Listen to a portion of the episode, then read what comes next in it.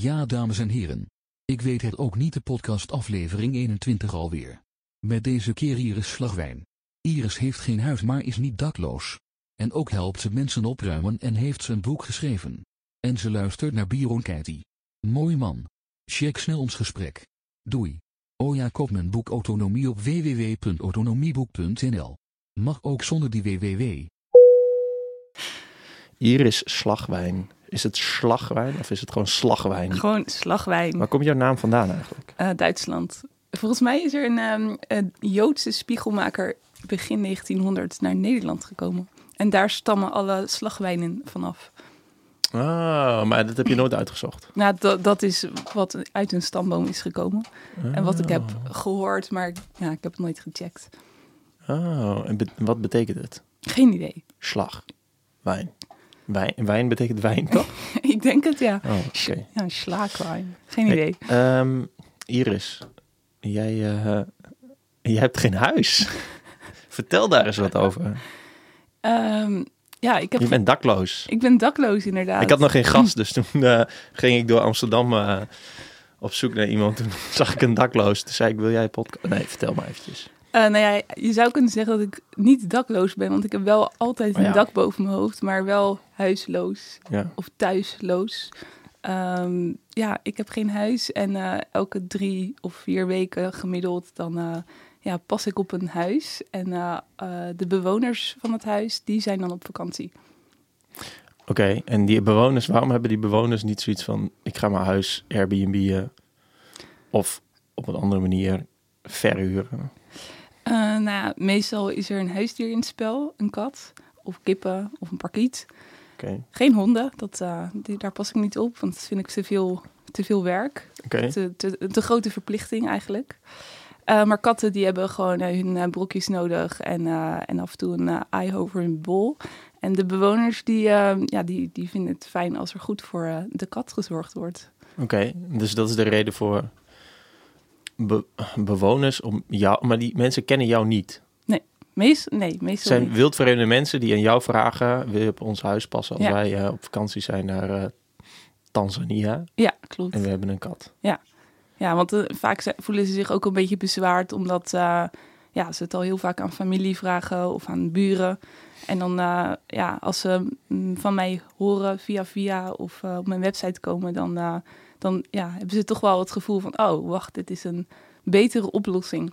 Ja, en ze kunnen natuurlijk ook hun kat naar een asiel brengen, Ja. maar dat willen ze vaak niet. En dat, dat is ook vrij duur.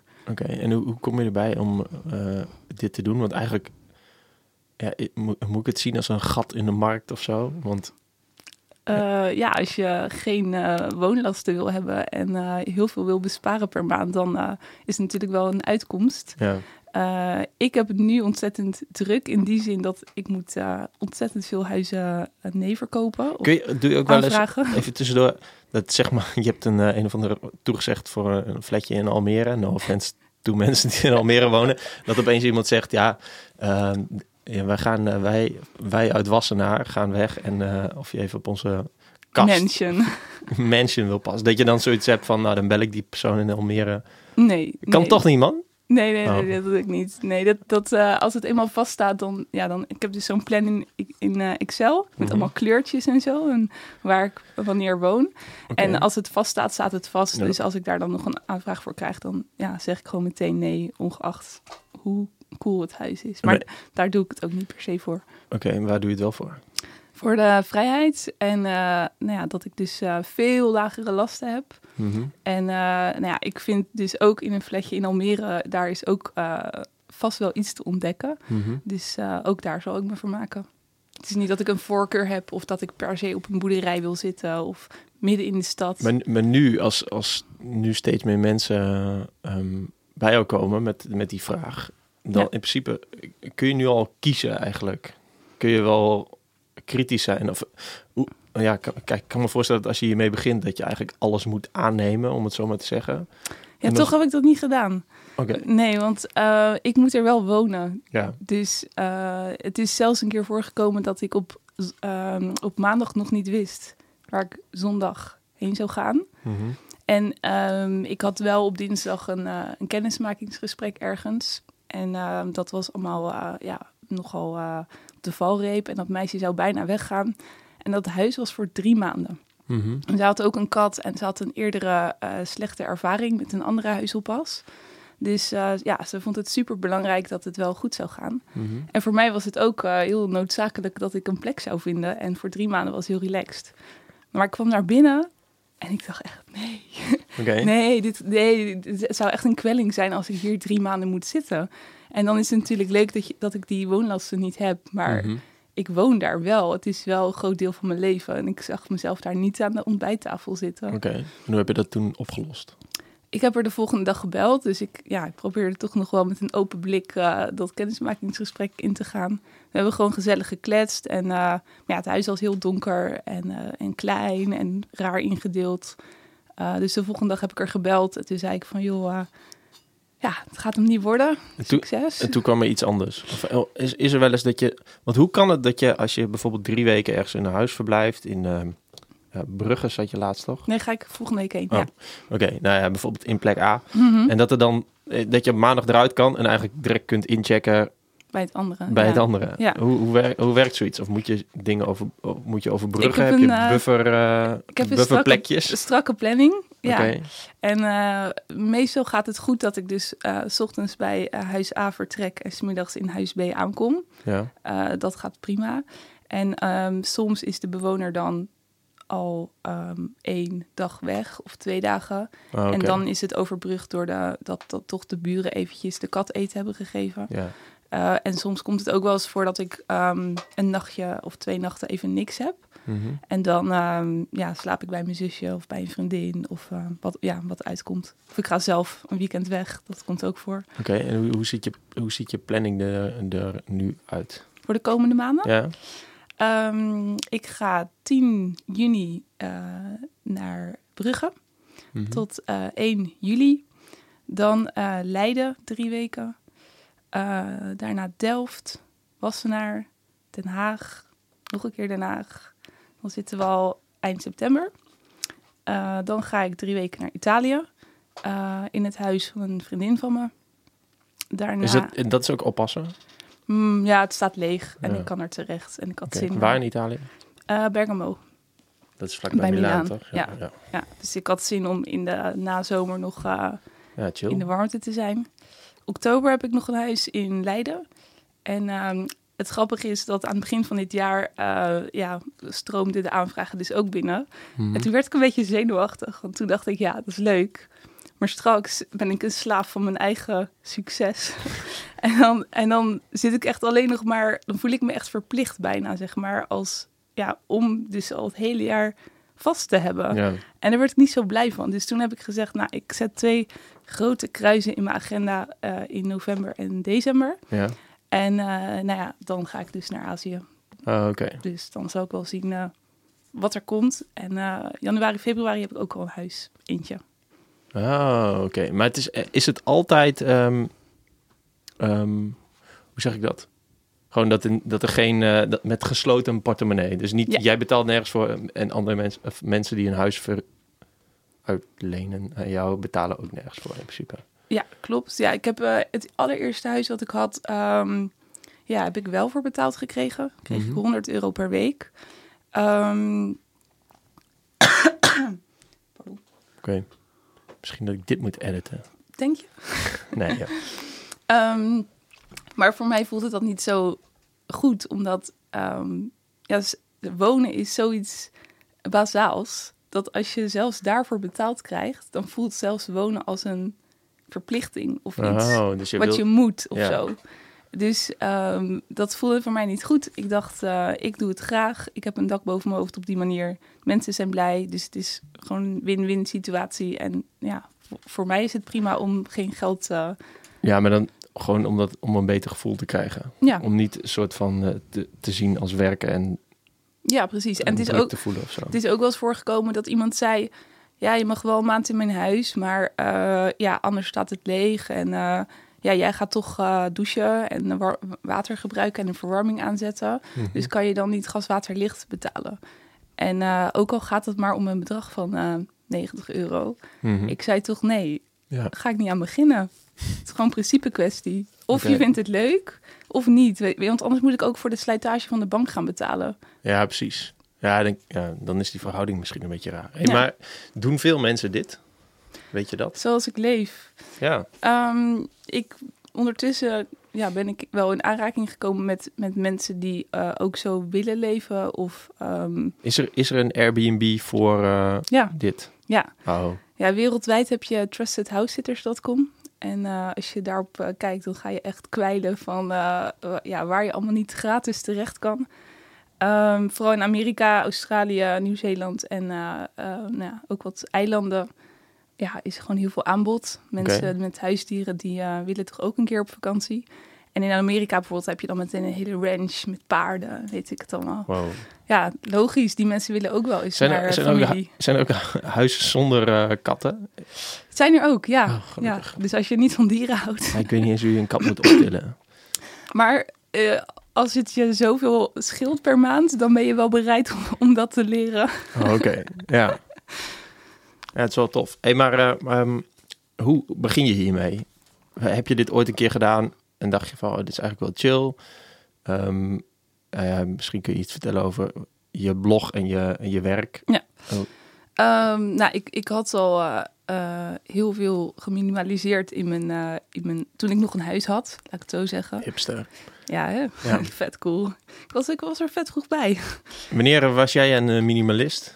Ehm, nou, vanaf 2012 denk ik. Ah, oké, 2000 nog wel een 2010 begonnen. Ja. En eh, dat, dat duurt altijd even voordat je dan eh, klaar bent. Ja. En eh, nou ja, op een gegeven moment ehm, ehm, ook nou ja, baan opgezegd, voor mezelf begonnen. Maar ook ja, relatie opgeruimd, om het zo maar te zeggen. Mhm. Dat paste ook niet meer. En ja, toen had ik dus heel weinig spullen. Geen geld, geen baan, geen relatie. En toen stond ik bij mijn zusje op de stoep van... hé, hey, eh, kan ik hier even slapen? Dus ik had mijn koffertje bij me met wat kleding erin. En eh, ja, op dat moment was zij eh, ook... Was, dat, was dat echt alles wat je had toen? nou ja, ik, ik ging dus weg bij mijn eh, ex-vriend. En ik, ja, ik had echt wel zoiets van die kasten en dat bed. Ja, ik hoef dat niet te hebben. Hou Mhm. maar. Ja. Hij bleef in dat huis wonen. Dus ja, nog wel wat persoonlijke dingen, zoals ehm, ja, fotoalbums of platen of eh, een, ehm, een lamp. Ja, dingen waar ik wel wat waarde aan hecht. Mhm. Ehm, maar dat, nou, ik geloof dat het in eh, vijf verhuisdozen past. Ja, en, ehm, dus, en, en kleding. Eh, dus dat had ik toen. En toen ik bij mijn zusje op de stoep stond. En ja, zij was op dat moment ook zwanger. Dus ja, dat maakte dat ik wel wist van oké, het is niet een hele gezonde situatie als ik hier heel lang blijf hangen. Nee.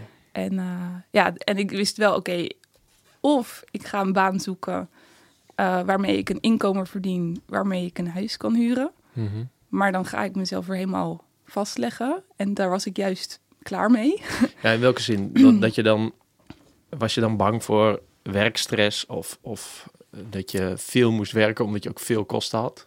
Ja, eerder dat ik eigenlijk al de keuze had gemaakt om eh, ehm, nou ja, te ondernemen. En eh, dus andere mensen ook te inspireren, met, omdat ze ook wat lichter konden leven. Mhm. En als je eenmaal dat besluit hebt genomen en je, ja, je moet weer 32, 40 uur eh, een of andere baan aannemen, dan, Mhm. dan vo- voelt dat gewoon niet zo fijn. Dat, Nee, dat was het. Dat ik daar, het voelde als een stap achteruit. En dus ik ging gewoon denken, hoe, hoe kan het dan? En toen eh, ben ik tegen iedereen gaan vertellen van... joh, eh, als je op vakantie gaat en, ik, eh, en, en je hebt een huisdier waar ik op kan passen... bel mij. Mhm. En nou, eigenlijk binnen vier maanden ja, kon ik dus... af en toe ging ik nog, in het begin ging ik nog terug naar mijn zusje... als ik even niks had. Wanneer, wanneer was dit? Eh, 2016. Ja, twee jaar geleden. Oké, dus je bent nu al twee jaar Ja. hiermee bezig. Ja. En dan nu de vraag die alle oude mensen stellen. Hoe lang wil je hiermee doorgaan? Oh ja, precies. Die hoor ik veel. Eh, totdat ik het eh, zat ben. Oké, Dus eh, ja, er zal vast een moment komen dat ik denk, nou, nu heb ik er echt geen zin meer in. Of ik wil een Mhm. eigen plek. Of, of er komt gewoon een geweldige kans voorbij om iets te huren of, Ja. of kopen. En dan, dan grijp ik die natuurlijk. Want daar ben ik wel redelijk vrij in nu. Ja, precies. En eh, oké, maar wat is, wat is je werk? Wat doe jij? Wat is mijn werk? Ja, ehm, ik hou van opruimen. Dus Ja. daar, daar heb ik mijn vak van gemaakt. Ondertussen is het wat meer veranderd in... eh, eh, ik noem dit altijd opruimcoach. Dus Mhm. ik kwam bij me- mensen thuis die dan hele volle kasten hebben... en daar vanaf willen en ja, lichter willen leven. En voor hen is het een, een oplossing om met de kasten te beginnen. Mhm. Ehm, dus daar, daar hielp ik ze dan mee om, om eh, keuzes te maken en, eh, en te beginnen, want dat is vaak het moeilijkste. Wanneer, wanneer komen mensen dan bij je? Want het lijkt me best wel lastig als je een volle kast hebt om dan... Ja, te gaan je- googlen. ja. Ja, ja, nou ja, vaak als er een, een grote levensgebeurtenis is geweest of ehm, bijvoorbeeld een scheiding of iemand is eh, overleden mhm. of eh, er komen, komt een tweeling aan of eh, eh, ja, kunnen van allerlei dingen zijn dat je op zo'n soort kruispunt in je leven staat en denkt help, het moet anders. Mhm. Maar goed, ondertussen doe ik dat nog maar weinig. En is het meer veranderd in een soort loslaatcoach. Dus ik heb nu een aantal coaches, ja, die zijn zo eind twintig. En die zitten gewoon op zo'n punt in hun leven van... oh ja, ik heb gestudeerd, ik heb een baan. Eh, is dit alles? Is, ja, is, dit, het nou? Ja. alles? Ja. is dit het nou? En eh, nou ja, mijn manier van leven, die spreekt hen wel aan. En ze zien dan aan mij van, oh ja, blijkbaar is het wel mogelijk om dingen te veranderen. Mhm. Ja, Ja, maar wat, wat, hoe, gaat hoe gaat, werkt zo'n traject dan? Meestal, Het staat op je website toch? Je kunt, Ja. kunt kiezen voor... ja, meestal eh, ehm, ja, is het een soort pakket van een paar maanden coaching. Dus er zitten een aantal afspraken in en eh, ook eh, coaching via Skype en via een werkboek. Mhm. En dan nou, spreken we af bijvoorbeeld in, op het strand of ergens in een koffietentje. En dan, eh, ehm, ja, ik confronteer ze eigenlijk met hun eigen angsten Mhm. en overtuigingen. En heel leuk, ik was eh, eh, maandag bij een meisje en die, eh, eh, die zei de hele tijd maar van... ja, ja, en dan heb ik weer geen eigen mening. En ik zat echt zo, heb je geen eigen mening? Zij zo, ja, ja, nou, ik heb wel een mening, maar ik zeg hem gewoon niet. Ik zei, ja, dan heb je toch een eigen mening. Dus wat, wat zit je nou de hele tijd? Gewoon bij alles. Zei ze, ja, maar dan heb ik geen eigen mening. En dat is dan gewoon zo'n zo'n Mhm. cirkeltje, wat, zo'n, wat maar in haar gedachten rond blijft gaan. En wa- waardoor ze zich ja, niet, niet durft uit te spreken. En eh, nou ja, na die afspraak ha- had ze zo'n soort van inzicht gehad van... "Fuck, ik heb wel ge- gewoon wel een eigen mening en ik ga hem vertellen ook, weet je wel. Maar eigenlijk ben je dan een soort psycholoog. Nou, nee, nee, nee, ik, nee. Als coach confronteer je mensen gewoon met hun eigen onzin. Ja. Ja, ik stel alleen maar vragen en, zelf, en ze, ze zien het zelf in. Mhm. Dus, eh, en een psycholoog zie ik meer als iemand die gaat... eh, Oké, waar heb je last van? Oh ja, volgens mij val je dan eh, in deze... Ja, weet ik niet. Misschien, Kader volgens mij is een psycholoog ook iemand die de hele tijd vragen stelt, zodat je zelf tot inzicht komt. Maar ja, weet ik veel. Ik heb ook geen psychologie gestudeerd. Nou ja, ik, ik heb in ieder geval geen opleiding tot psycholoog. Ik, ik praat uit eh, mijn eigen levenservaring en eh, common sense. En eh, ja, Oké, en, en ehm, wat, zijn, wat zijn problemen of uitdagingen ja. waar, waarmee mensen bij jou komen? Wat, want ja, je zegt een kruispunt, maar wat, wat, wat, zijn, wat zijn de verschillende richtingen van dat kruispunt? Nou, vaak gaat het wel. ehm, ja, het begint vaak bij een baan. Dat, of ja, baan of een relatie. Van oké, ik voel onvrede in mijn baan. Mhm. En als ik dan verder vraag, dan ehm, heeft het vaak met geld te maken.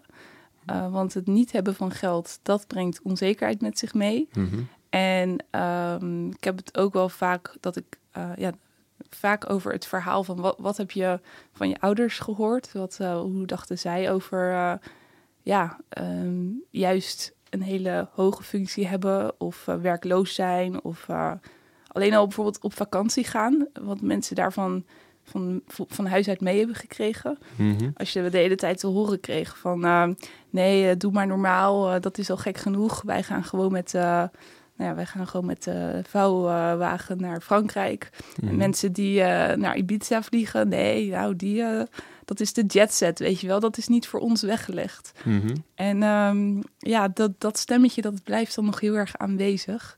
eh, waardoor mensen bepaalde keuzes niet maken. Dus dan kan het zo gaan dat ze in een baan zitten waar, die ze echt vreselijk vinden. Dus gewoon bijna fysiek naar van worden, zeg maar, als je dan op maandagochtend daar weer heen moet. Ja, En eh, nou, dan zeg ik, maar stop er dan mee. Ja. En dan, ja, nee, maar dan heb ik geen geld. Nou, hoeveel geld heb je dan nodig? Ja, dat weet ik niet. Nou, reken dat dan iets uit, weet je wel. En, Ja. en hoeveel spaargeld heb je? Mhm. Ik, ik bedoel, ik heb zelf nu nog 1000 euro en verder weet ik het niet. En nou ja, dat gaat een keer op, maar ik geloof ook wel dat het weer binnenkomt, zeg Ja. maar, wanneer ik het nodig heb. Ik, ja, ik maak me daar geen zorgen om. En dan blijkt vaak dat mensen gewoon 10.000 euro op de rekening hebben staan, op een spaarrekening. Ja. Nou, ga daar dan van leven. Nee, want dat is voor als er dingen, voor als er iets fout gaat. Ja, wat dan? Ja, als mijn wasmachine, ja, dat kost 500 euro. ja. Dus het is, het is een soort van liegen tegen jezelf en de hele tijd in een nare situatie blijven. Ja, waarom? Oké, dus, dus meestal is het gewoon... ehm persoon heeft eigenlijk kutwerk. en ja, Nou ja, bijv- bijvoorbeeld niet naar, naar, naar haar zin op het werk. Of ja, dat kan bijvoorbeeld ook te maken hebben van... oké, ik voel me niet gewaar- gewaardeerd. Of eh, ehm, ja, het hoeft niet meteen te zijn dat je die baan op moet zeggen. mhm. Ehm, maar ja, het kan wel dat, dat het gewoon dat je niet op de juiste plek zit of zo. Ju- niet de juiste functie of eh, het aantal uren dat dat te heftig is of juist eh, te weinig, te weinig uitdaging. En, en zijn er dan ook wel eens... Maar de oplossing kan toch ook zijn... ehm, praten met je manager Hm. of met je collega's. Ja. Of eh, over je voorwaarden of over die uitdaging of zoiets. Ja, en dan, eh, nou, dat, inderdaad, dat, eh, dan zeg ik gewoon, joh, ga, heb je dat al besproken met je manager? Mhm. Nee, want dan gaat hij toch dit zeggen. En dan zeg ik, oké, we doen even dat gesprek. Jij komt binnen en je zegt, ik wil minder werken. En ik ben even je manager. Oké, nou, dat kan niet. Wat zeg jij dan, weet je wel? En Mhm. dan, ja, dan zien ze dat zo'n gesprek ook anders zou kunnen lopen. Ja. Dus het is vaak dat je in je hoofd van alles voorstelt van wat er allemaal mis zou kunnen gaan.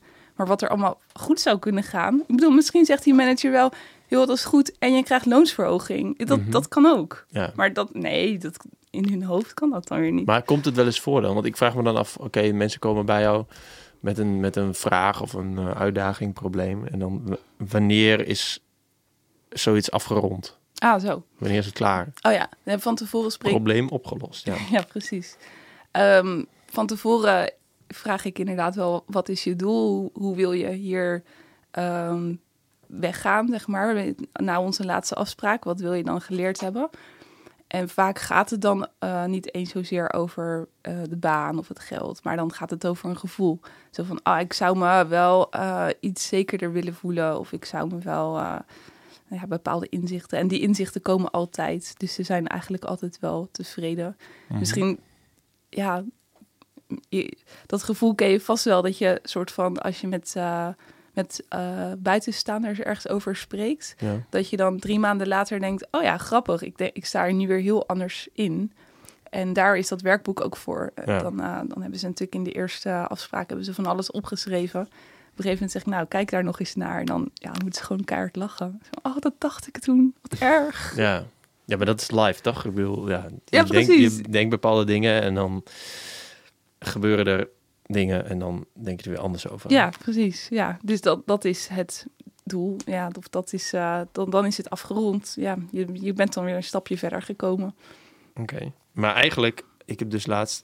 Ik heb het in de vorige podcast met Gaia ook over, over dertigers dilemma. Dat boek dat ik las van Nienke Wijnands. Maar eigenlijk gaat het daarover, toch? Ja, ja, ik denk het wel. En dan dat volgende boek van haar, Wie, wie ben ik, wat wil ik? Heb je die ook Nee, gelezen? nee. Nou, dat is, die heeft die titel. Oké, wie ben ik en wat wil ik? Ja. Wauw. Maar eigenlijk ja, dan, maar zijn het ook vooral, vooral dertigers die bij jou komen? Ja, ja. Ja, en toch ook wel eh, begin 40. Ja. ja, grappig genoeg. Ik, ik had zelf altijd dat ik dacht, wat, wat kan ik die nou vertellen? Maar blijkt dat ik aardig wat kan vertellen. Oké. en is, ik, eh, komen ze dan...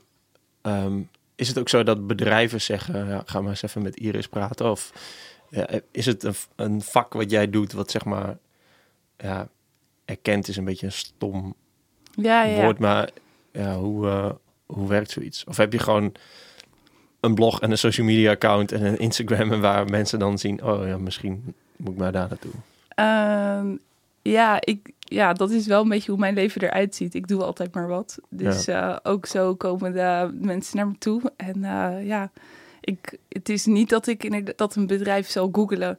eh, en dan tegen zijn werknemer zal zeggen: Joh, jij zit niet zo lekker in je vel. Ga jij maar even met Iris kletsen. Nee, maar je hebt wel loopbaancoaches en zo, Ja, toch? precies, Ik bedoel, ja. ik denk dat er misschien vanuit HR-afdelingen van bedrijven best wel doorverwezen wordt. Ja. Eh, weet ik eigenlijk niet hoe dat zit, maar dat zou ik me kunnen voorstellen. Ja. Dus dan, Nou, tot nu toe gaat het voornamelijk eh, via via. Dus mensen die mij al ergens van kennen, die dan tegen iemand anders zeggen: joh, volgens mij eh, moet jij een keer met Iris gaan praten. ja. En ja, ik, ik zie dat dus voor mijzelf ook niet. Het is niet mijn droom of zo dat ik dan straks ehm, een, eh, een eh, spreekkamer moet gaan huren ergens. En van 9 tot 5 allemaal mensen ga ontvangen die, Nee, nee, om te praten. Dat, daar word ik zelf echt niet vrolijk van. Maar word je er nu vrolijk van dan? Nou, wat ik nu dus doe, is gewoon eh, met een aantal mensen een traject doorlopen. En verder schrijf ik mijn boek en ik heb nog een online opruimcursus. En dus ik, ik doe altijd een beetje van alles. Mag vertel eens over je online opruimcursus. Eh, dat is Hoe een- werkt zo? Is het een beetje die Marie Kondo eh zit er ook in. methode? Zit er ook in, ja. De minimalists, Eh, ja, ja, wordt alles in dozen. Kun je, ja, ja, vertel gewoon. Nou, ik, ik kwam dus bij klanten thuis om, om, te, om op te ruimen. En, en toen merkte ik van, oh ja, ik zit toch al vaak dezelfde dingen te vertellen. Omdat heel veel mensen lopen gewoon tegen dezelfde dingen aan als ze gaan opruimen. Dus al die vragen ben ik gaan bundelen. Noem, noem eens voorbeelden. Zijn dat... Dit heb ik misschien ooit nog wel een keer nodig. Dat, inderdaad. Emotionele waarde, terwijl het niet Ja. emotionele waarde heeft. Dat- Zonde om weg te gooien. Ja, maar ook gewoon, waar moet ik in godsnaam beginnen? En, Oh, eh, echt? Ja, joh, ja. Oh, Ja, want als je dat al gewoon een jaar voorneemt en je zolder pelt uit en je hebt een heel druk leven en lopen misschien nog kinderen rond. En eh, nou ja, het opruimen heeft nooit prioriteit. Echt nooit. Je denkt altijd, nee, ik ga nu even op de bank zitten. Of nee, maar ik moet nog koken. Oh, de was moet ook nog opgevouwen worden. Ja, dat gaat dan altijd voor. mhm. Dus dan, eh, ja, dan is de drempel zo gigantisch hoog. Waar moet je in godsnaam beginnen? En wat is jouw oplossing daarvoor dan? Ehm, begin ergens. Oké. Ja, en Ja. want eh, je kunt eh, ongeveer een uur lang denken: Oh, ik weet niet waar ik moet beginnen. Mhm. En in dat uur had je al drie dingen op kunnen ruimen, of drie kasten. Dus eh, ja, ik heb die cursus opgebouwd volgens dus hoe begin je en eh, ehm, waarom en waarmee. En eh, ehm, als eenmaal die, ja, als eenmaal het hek van de dam is en je hebt ervaren wat voor fijn, het, fijn gevoel het geeft, door ja, wat het opruimen je geeft, dan, ja, dan, dan ben je wel gemotiveerd om verder te gaan. En, maar wat voor gevoel geeft... Ja, ik weet het wel. Wat voor gevoel geeft het opruimen je? Eh, controle. Zo van, ik heb controle over mijn leven en wat ik mag hebben in mijn kasten. En Mhm. niet dat het jou overvalt. Dus het voelt fijn dat jij de controle hebt. Eh, het voelt licht. Eh, je, ja, letterlijk doe je vuilniszakken vol zooi je huis uit. Vinden mensen dat dan zonde? Want, op een gegeven, want spullen hebben op een gegeven ja, hebben meestal wel vertegenwoordigen een waarde. Ja. Eh, emotioneel soms, maar meestal ook in geld. Want ik, ja, ik heb voor die schoenen 160 euro betaald. En eh, voor dit ehm, bakje van de blokker 24 euro. Ja, weet ik veel, zoiets. ja. Dus dan, wat, wat zeg jij dan tegen mensen van... Ja, het is een beetje hetzelfde idee als met dat coaching. Dus dan komen ze van, ja, maar ze waren wel heel duur. mhm, Dan zeg ik, ja, heb je ervan genoten? Heb je het vaak aangehad? mhm. Nou, ik heb het wel vaak aangehad, ja. En eh, draag je het nu nog? Nee, nooit, nu nooit meer. Oké, dus schoenen van 160 euro, die staan nu te verstoffen in je kast. Nou, lekker dan. Dan behandel je ze ook niet echt eh, aardig eh, voor wat ze waard zijn, zeg maar. Ja, ja, ja. Moet ik ze dan verkopen via Marktplaats? Dan zeg ik, oh, oh je wil er dus vanaf? Ja, ja, eigenlijk wel. Oké. Nou, wil, en dan zeg ik gewoon, oké, Marktplaats. Dan moet je er een foto van maken. Moet je het online zetten. Moet je gaan onderhandelen. Moet je mensen gaan bellen, afspraak maken. Heb je daar zin in? Zoveel tijd voor, die, voor, die tien, voor de tientje wat je er nog voor krijgt. Nee, nee, eigenlijk ook niet. Nou, nou, ik ga het ook niet voorzeggen, weet je. Ja. Maar dan zegt ze, ja, maar het is zo zonde om, om ze naar de kringloopwinkel te, te brengen. Oké, waarom is het zonde? Ja, ze waren 160 euro. Nou, dan Ja. kom je zo in zo'n kringetje. En dan eh, zeg ik, oké, je ken je dat gevoel dat je in de kringloopwinkel loopt... En dan zie je daar echt, echt schoenen waarvan je denkt... nee, die moeten in de winkel echt 160 euro kosten. En nu staan ze hier voor een tientje. Nee, ongelooflijk. En die vondst en dat gevoel wat iemand anders dan heeft... als ze Mhm. zich dat kunnen voorstellen, dan denken ze... oh ja, ja, dat is eigenlijk wel leuk. En dan is het beter dan dat ze in mijn kast staan te versloffen. Ja. En dan heb ik dus heel lang gepraat eh, om die schoenen uiteindelijk de- het huis uit te krijgen. Maar ehm, als dat eenmaal gebeurd is, dan gaat het daarna weer makkelijker Mhm. met andere dingen. Dan zeg ik, weet je nog die schoenen? Oh ja, oh ja. En dan gaan ze weer eh, verder. En, en hoeveel tijd, eh, hoe, die cursus begint dus met ergens beginnen. Ja. En wa- wat zijn dan de volgende stappen? Eh, de, Of wil je niet alles vertellen? Ja, dat is- allemaal, eh, Nee, dat is prima hoor. Hij duurt zes weken. En elke, elke week bestaat uit ongeveer acht of tien filmpjes. En de middelste deel van de cursus gaat over ehm, ja, waar je dus allemaal tegenaan kunt lopen. Een groot ding is ook ehm, cadeautjes die je hebt gekregen mhm. van, een, van iemand anders. Eh, ja, die kan je toch niet wegdoen. Want je hebt ze gekregen. Ja. Nou ja, daar heb ik ook, eh, heb ik ook video's over. Oké, maar hoe, gaat dat dan? Eh, nou ja, dan vraag ik bijvoorbeeld: oké, zou, die, zou diegene eh, het fijn vinden als die weet dat jij ervan baalt om dit kistje met zeepjes, Mhm. eh, dat jij ervan baalt om dat in je badkamer te hebben. En, eh, en dat je, ja, je vindt het wel mooi, je bent dankbaar voor het gebaar, maar je, je, je houdt het met een soort van schuldgevoel. Van ja, ik wil het eigenlijk wegdoen, maar kan ik toch niet maken. Ja, het zou mooi zijn als het er stond en je ernaar keek en dacht, ah, dit is echt nice. Dit is echt een mooi... Dit is echt het, beste cadeau van mijn leven. cadeau. Wat Ja, heb ik toch leuke vrienden en vriendinnen. Precies, ja.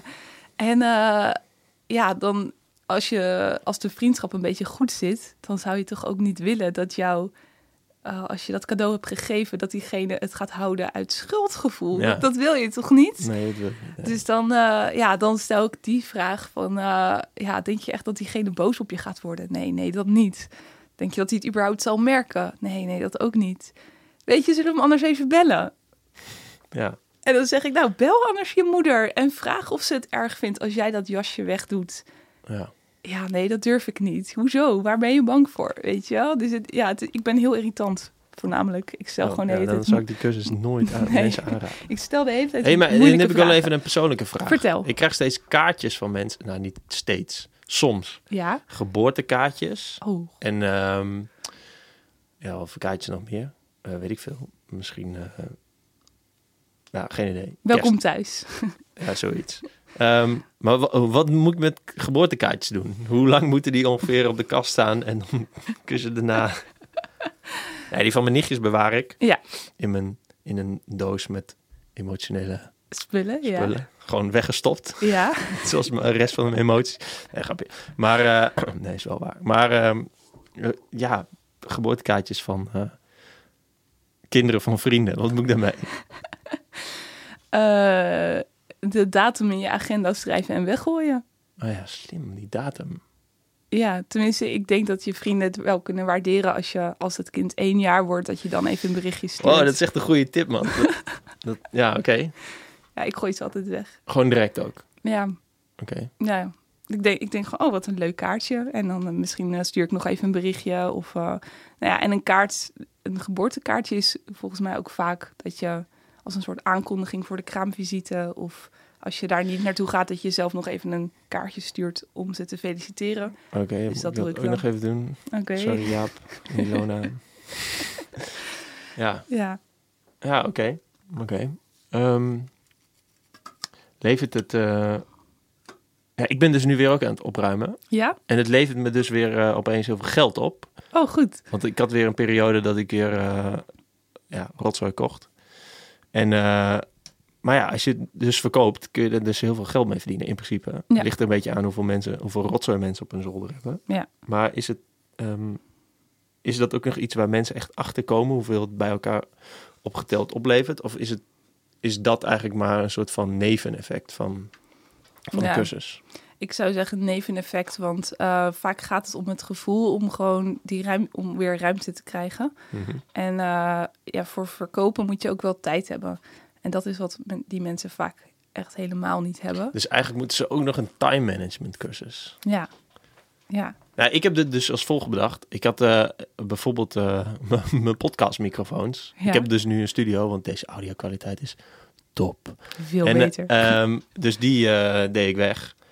Ehm, maar voor, ik, ik ging op Marktplaats kijken en ongeveer wat, hoe, hoe duur diezelfde microfoon was. Toen ging ik daar lekker onder zitten. Toen dacht ik, nou, de eerste die komt, die mag het gewoon hebben. En dat was gewoon prima. Dus dat leverde wat geld op. En ik had eh mijn tv laatst verkocht, aangezien ik niet zo vaak tv kijk. Mhm. dacht ik. Maar toen had ik een, dus een budgetje. Dacht ik, oké, dan wordt dat... ik kan bij Bunk mooi allemaal verschillende rekeningen maken. Wordt dat mijn spullenrekening? Dus als ik nu weer iets nieuws wil kopen, moet ik zorgen dat Ah. ik dat, zeg maar, dat van die rekening gaat.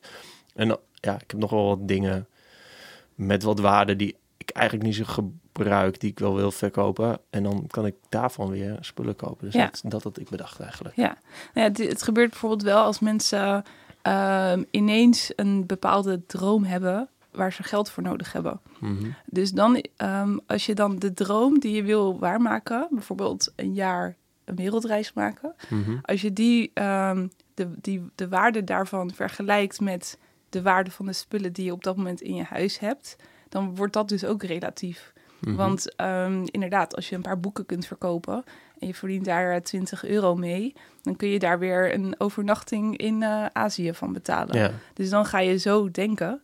En dan denk je ineens, hé, hey, maar wacht even, dan kan ik inderdaad ook mijn tv en dit en dat. Ja. En dan wordt het ineens heel leuk om zo naar je spullen te kijken. Maar dan heb je echt een doel daarvoor. Ja, Een soort spaarpotje. En maar push jij mensen dan ook om zo'n wereldreis te maken? Want dan kun je weer op hun huis passen. Slim. Ja, Ja, precies. oh ja.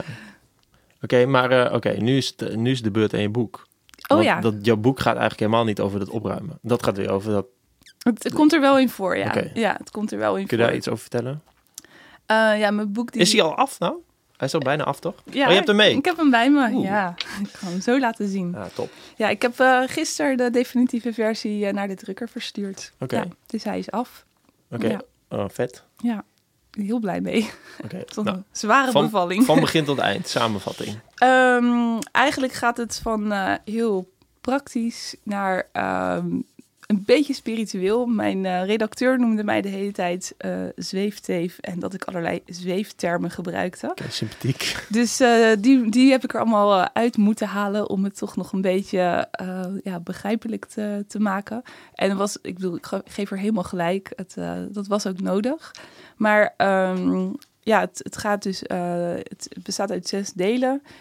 Die delen zijn thuis zonder huis. Dus daarin ga ik ehm, ja, dieper in op waarom leef ik zoals ik leef. Hoe is het zo ontstaan? En eh, ehm, ja, wat, wat brengt het me? Wat vind ik er leuk aan? Dus ik laat ook een aantal huiseigenaren aan het woord. Mhm. Ehm, en ik vertel beknopt hoe, hoe het in, in zijn werk gaat. Ja. Ehm, bewust voor gekozen omdat, ja, ik kan wel een hele praktische handleiding van maken, maar dat is maar voor een handjevol mensen interessant. Mhm. Dus die komt nog. Oh, oké. Ah, ja, die kun je extra... Wat, wat, hoe was het ook alweer? Die ja, kun je dan downloaden? Daar wil ik een, eh, een e-book van maken, inderdaad. Ja. Ja. ja, dus dat is mijn volgende, volgende project. De, Ja. Meer de praktische kant. Wat neem je mee? Waar moet je op letten eh, Ja. tijdens een kennismaking? Dit is meer een waarom-boek of zo. Ja, waarom? Inderdaad. Ja, ja. En ehm, nou, vervolgens gaat het over thuis zonder spullen. En vertel ik over eh, hoe mijn eh, minimalistische avontuur begonnen is. Mhm. wa- Waardoor ik eh, ja, de behoefte had om te gaan opruimen. Eh, vervolgens thuis zonder werk. Eh, want ik heb ook een tijdje dus veel thuis gezeten zonder werk en eh, zonder geld. En eigenlijk in dat hoofdstuk ja, heb ik het voornamelijk over ehm, ja, geld en waarom je op je plek blijft zitten uit angst dat je ja, voor het niet hebben van geld en niet rond kunnen komen en kan ik mijn huur nog wel betalen? Mhm. Dat soort angsten. En, ehm, Maar zijn die angsten terecht? Als we, we kunnen, ja.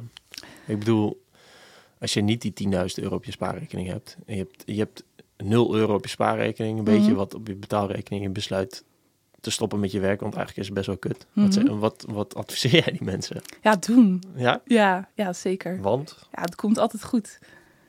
Altijd. Er komt altijd weer iets moois. Ik zal een voorbeeld geven. Dat is vorig jaar bij mij zo gegaan.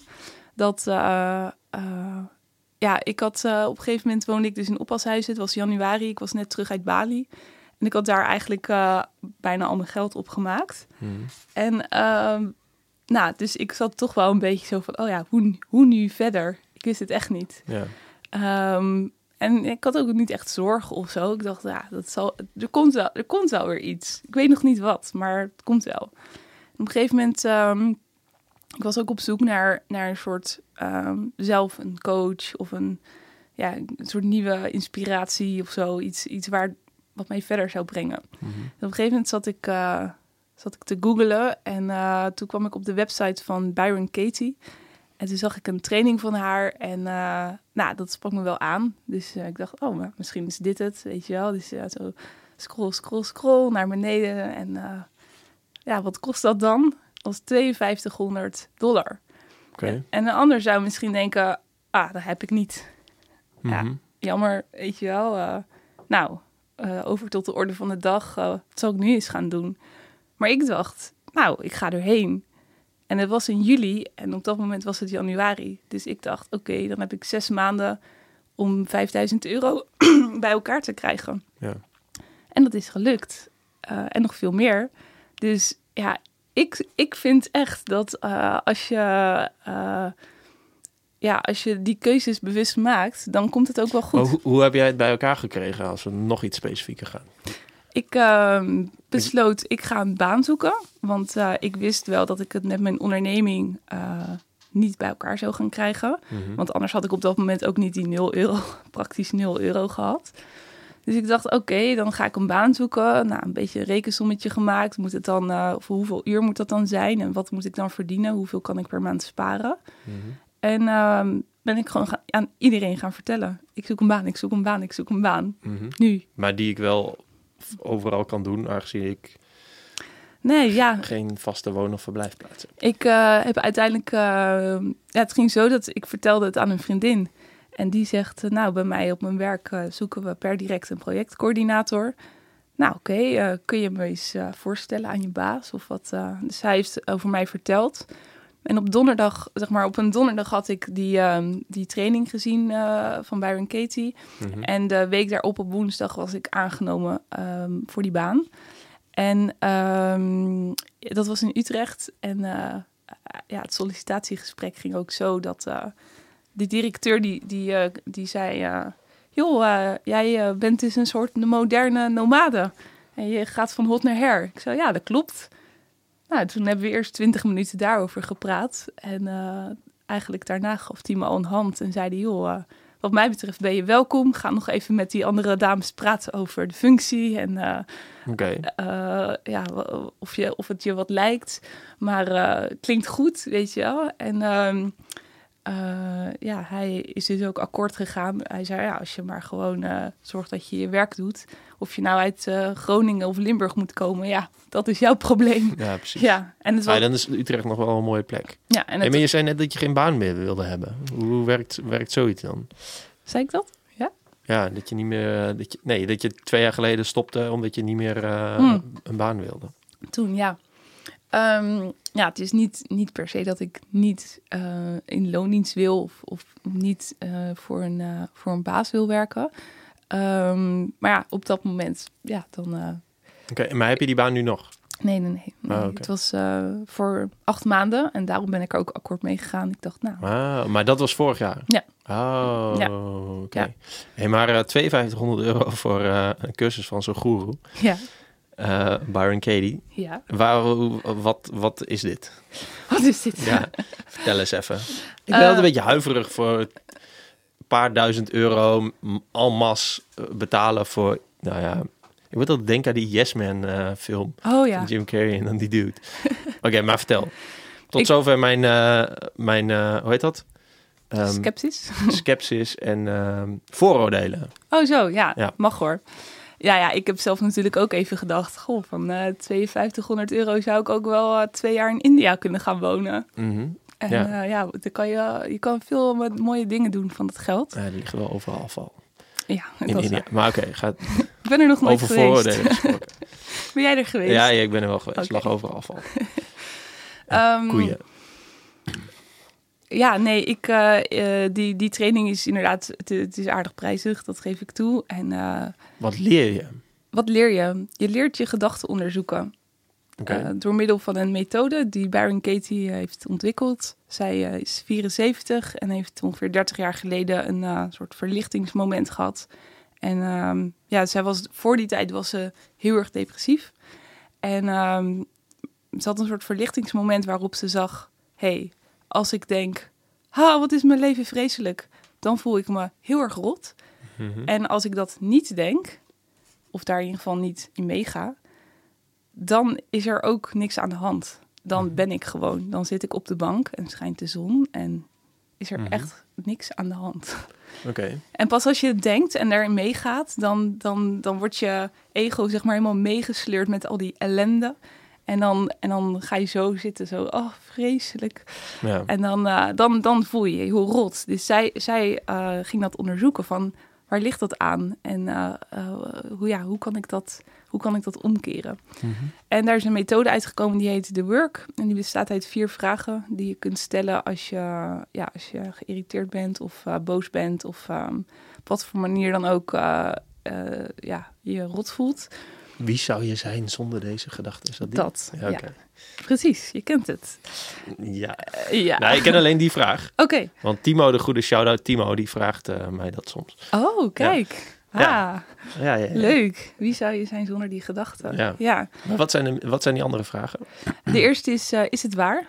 Oh ja, Ja. weet je zeker dat het... Ja, hoe kun- werkt het ook weer? Ja. Kun je absoluut weten dat het waar is? Dus Mhm. zoals dat meisje die zei, ja, ik heb helemaal geen mening. Ja, ik, dat, is het waar? Ja. Is dat zo?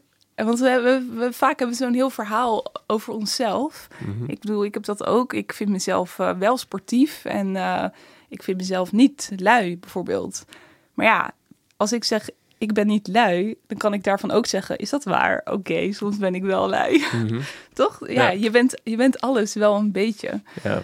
En ehm, de tweede vraag is, kun je absoluut weten dat het waar is? En dan word je eigenlijk uitgenodigd om, eh, om, om je, je overtuiging nog eens te heroverwegen. Ja. Omdat eh, ja, vaak spreek je dan vanuit je ego. Ja, natuurlijk is het waar. Mhm. Ze luistert niet naar me of zo. ja. En eh, oké, kun je absoluut weten dat het waar is dat ze niet naar je luistert?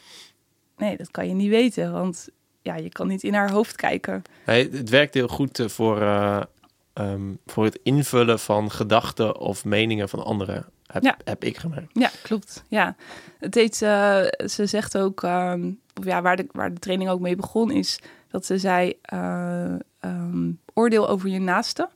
Eh, daarmee kun je jezelf het beste leren kennen. Mhm. Dus, want je hebt, je hebt de oordelen heb je de hele dag door Ja. over iedereen en alles. En als je daar open voor staat om, om je oordelen te onderzoeken, dan eh, kom je eigenlijk bij, ehm, ja, bij zelfkennis of eh, ja. Ik, ja, ik moet even een bruggetje maken naar mijn nieuw boek. Vertel. Nou ja, ik, ik, ik kom dus, ik oordeel heel vaak. En ik kom dus heel vaak, zie ik iets of ervaar ik iets. En dan heb ik daar een hele sterke mening over. Maar heel, ehm, en dan probeer ik het te beredeneren. En soms lukt dat en heel vaak niet. En nu kom ik er dus heel vaak achter dat, dat, dat ik heel vaak een mening heb over dingen. omdat het dus te maken heeft met autonomie, het onderwerp van mijn nieuwe Mhm. boek. Omdat ik dat zelf heel belangrijk vind. Maar ik wist, ik kon dat nooit uiten. Omdat ik bijvoorbeeld, eh, nou, ik had het de vorige podcast met, eh, met Guy ook over. Als YouTubers gaan excuses gaan maken dat ze geen video uploaden. Dat vind ik heel stom. Maar ik wist nooit, ik dacht dat van ja, wat, wat is het Zit sneu. Maar het punt wat erachter ligt, is dat ik vind dat je, als je iets maakt of creëert voor jezelf, dat je autonoom moet zijn. Dat je niet verantwoording hoeft af te leggen aan iemand anders. Daarom vind ik het stom. Ja. Nou ja, bijvoorbeeld zoiets. Ja. Ehm, ehm, en ja, dus toen volgens mij weer eh, dat, dat Timo dat tegen, tegen mij zei van, joh, wat, jouw oordeel zegt dus heel veel over wie je zelf bent. Ja, Nou, ja, dat, dat klopt, ja. Dus Ja. toen kwam ik daar eigenlijk achter. En met autonomie, dat is een heel goed voorbeeld, want ik kom nu achter heel veel dingen ehm, waarom ik eigenlijk heel veel dingen raar vind. oh ja. Dus. Ja, nee, maar, maar dat, dat is totaal waar die hele training over gaat. Ik had, ik had bijvoorbeeld... eh, mijn, mijn oordeel was bijvoorbeeld heel sterk over ehm, bedelaars. mhm. Ehm, op een gegeven moment moest je ook zo'n zo'n soort werkblad invullen. Bijvoorbeeld over... eh, eh, nou ja, bedelaars zijn dit, vrouwen zijn dat, mannen zijn dat, ehm, rijke mensen zijn... Nou, allemaal oordelen. Mhm. En dan zie je dat iedereen vult dat in, maar iedereen vult andere woorden in. Ja. En dat zegt puur wat over degene zelf die het invult. Mhm. Ehm, dus mijn, mijn oordeel over bedelaars was, ja, die vind ik zwak en afhankelijk. Vreselijk vind ik dat. Echt. Ik kan er langs lopen en iemand echt verachten, zeg maar. Zo, zo zwak. Ga, ga- doe iets met je leven, weet je wel. Neem verantwoordelijkheid voor jezelf. Sta op en, en ga, ga wat doen of zo. Ja. Heel, heel hard ben ik daarin, was ik daarin. Want ik ging dat onderzoeken. En eh, oké, dus bedelaars eh, zijn zwak en afhankelijk. Is dat waar? En nou ja, oké, ik ging, ging daar zo dus die vraag op stellen. En ehm, wat er ook bij hoort bij de work is, dus je hebt vier vragen, maar ook drie omkeringen. Dus als je de vier vragen hebt gehad, dan, dan doe je de, de oorspronkelijke bewering, ga je op drie verschillende manieren omkeren. Ehm, dus bijvoorbeeld eh, bedelaars zijn zwak en of zijn- zijn zwak. Ehm, de omkering is ik ben zwak. Bedelaars zijn niet zwak. En ehm, moet ik het goed zeggen? Nee, ik ben benieuwd naar de Be- bedelaars zijn sterk. Nee. Dat is hetzelfde als die. Nou ja, zijn dat is niet per se hetzelfde Ja, het is niet per se hetzelfde. Het is altijd het tegenovergestelde naar jezelf en naar de ander. Dus je zou kunnen zeggen, ik ben zwak voor mezelf. Ik ben zwak tegenover de bedelaars. Mhm. En ehm, het klopt inderdaad dat ik heb zelf zo'n mega ding met dat ik vind altijd dat ik sterk moet zijn. En daar heb ik een mega issue mee. Ja, precies. Dus dat jij, jij wil helemaal niet afhankelijk zijn van anderen. Nee, totaal niet. Nee, dat is echt mijn worst nightmare. Terwijl je wel op huis past van allemaal verschillende mensen. Dus dat is toch gewoon een beetje... Ben ik dan afhankelijk? Ja, weet ik niet. Er zit toch wel iets van afhankelijker. Want Ja. zonder die mensen... Ja, dat is waar. Ja, ja ik, Maar ja, aan de andere kant, als die mensen er niet waren... dan had jij waarschijnlijk zelf iets anders gefixt. Ja. Want Dan was je... Ja, oké. ben ik autonoom? Yes. Ja, weet ik niet. Ik ook niet. Misschien moet ik wel een werkblad maken Ja, in mijn boek. ja te- nee, of een te- test hier je autonomie. ja, Hoeveel punten scoor jij? download nu de eerste acht pagina's van mijn boek... en dan allerlei salesmails erachter. Ja, Nee, maar oké. En eh, maar hoe, hoe sta je er nu tegenover? Dus nu ben je erachter gekomen dat je eigenlijk zelf heel erg... dat je onafhankelijkheid heel erg belangrijk vindt. nou ja, en nou, nu kan ik daar dus ook veel milder mee omgaan. Ehm, ik Maar moet, vind je dan, dan vind je toch nog eigenlijk precies hetzelfde? nee, Want nee, dit is echt veranderd. Het is echt alsof er een soort sluier van je, van je ogen weggaat en daarna kun je het niet meer anders zien. Oké, maar wa- wat zie je nu? Als je, Eh, heeft u misschien eh, een, een euro voor mij? Ja, dan, dan eh, geef ik geld zelfs. Ja, nee, dus ik, eh, ik, ik kan daar, ik kan nu, eh, ja, dat oordeel is helemaal weggevallen. Ik kan compassie voor die mensen voelen. Ik kan begrip opbrengen. Ik kan ze zien zoals ze zijn. Dus Byron Katie zegt ook altijd: loving what is. Dus de- wat de realiteit is. En zodra je daartegen gaat vechten, Hmm. ja, ze zouden dat niet moeten doen. Ze zouden niet mogen bedelen. Dan heb ik pijn, zeg maar. Alleen hier in mijn Mhm. hoofd ontstaat er ellende. Ja. Terwijl, ja, als ik gewoon accepteer wat de realiteit is, ja, nou, diegene zit daar en, en bedelt, nou, dan kan ik naar hem glimlachen. En eh, zonder ook maar enige, ja, eh, wrok of zo, loop ik gewoon weer verder. Mhm. En, eh, en op heel veel vlakken heb ik nu dus daar meer vrijheid in. Dus ja, ik kan op straat lopen en inderdaad gewoon naar iedereen glimlachen, omdat ik ja, mensen waar ik eerder een oordeel over had, eh, ja, dat ik dat nu gewoon echt niet meer zo voel. Ah, interessant. En ik heb bijvoorbeeld ook met mensen gehad, dus met mensen die ongezond leven. Dus iemand die eh, heel Oh, veel vertel daar eens wat meer over. Iemand die heel veel rookt of eh, iemand die heel dik is of zo. Daar kon ik echt van denken van, nou, doe even normaal, weet je wel. Eh, leef, leef wat gezonder en wat doe je, wat doe je je lijf aan? Mhm. En eh, ik heb ehm, in 2010 eh, heb ik twee hernia's gehad. Eh, dus ik was toen 23 en op een gegeven moment, nou, ik had al heel lang rugpijn gehad. En, maar ik ging altijd door, want ik moet sterk zijn. Mhm. Dat is mijn overtuiging. En eh, ehm, nou, dat kan natuurlijk heel lang goed gaan, maar op een gegeven moment dan, ja, dan breek je gewoon. En eh, dus ik, eh, ik nieste. En eh, de volgende dag kon ik niet meer opstaan. En viel ik flauw van de pijn. En moest ik heel veel morfine nemen. En ik kon wekenlang echt alleen maar kruipen. En het was een soort waas van, ja, Toen, hallucinerende dat wekenlang kon je en- alleen maar kruipen. Maar je had niet zoiets van misschien even de dokter bellen. Nou, ik had natuurlijk wel morfine gekregen. En Ah, zo, ja, ja. Maar nou ja, die, die zei ook gewoon, ja, je, er is niks aan te doen. Nou ja, als je, je kon, kon ook niet... Um, het is niet dat je dan kan opereren dat het ineens weg is of zo. Oh nee, hoe werkt dat dan? Uh, maar een hernia in Nederland is wat anders dan een hernia in de rest van de wereld, toch? Is dat zo? Ja, volgens mij wel. Volgens mij is in Nederland is het een, in je, is het een beknelling oh. van een zenuw. Ja?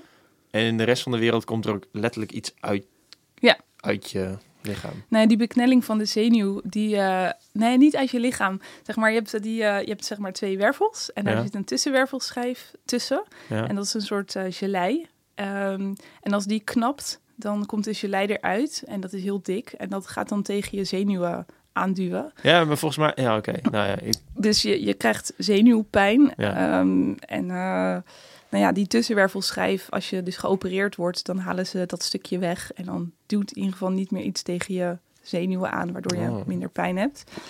Um, lang verhaal kort, ik, uh, ik, ik ben daarna een lange tijd gaan herstellen.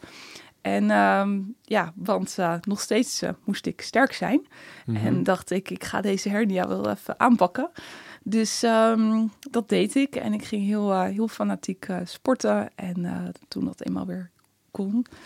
En uh, ook daarin sloeg ik volledig door. Want ja, ik wilde sterk zijn. Dus ja, ik ging niet zomaar sporten. Ik ging ook meteen uh, fanatieke krachttraining doen. En uh, ja, iemand had echt niet kunnen raden dat ik drie jaar daarvoor nog alleen maar kon kruipen. Mm-hmm. Um, dus ik werd super fit, maar ook daarin ja, was, was het dus best wel obsessief sterk willen zijn.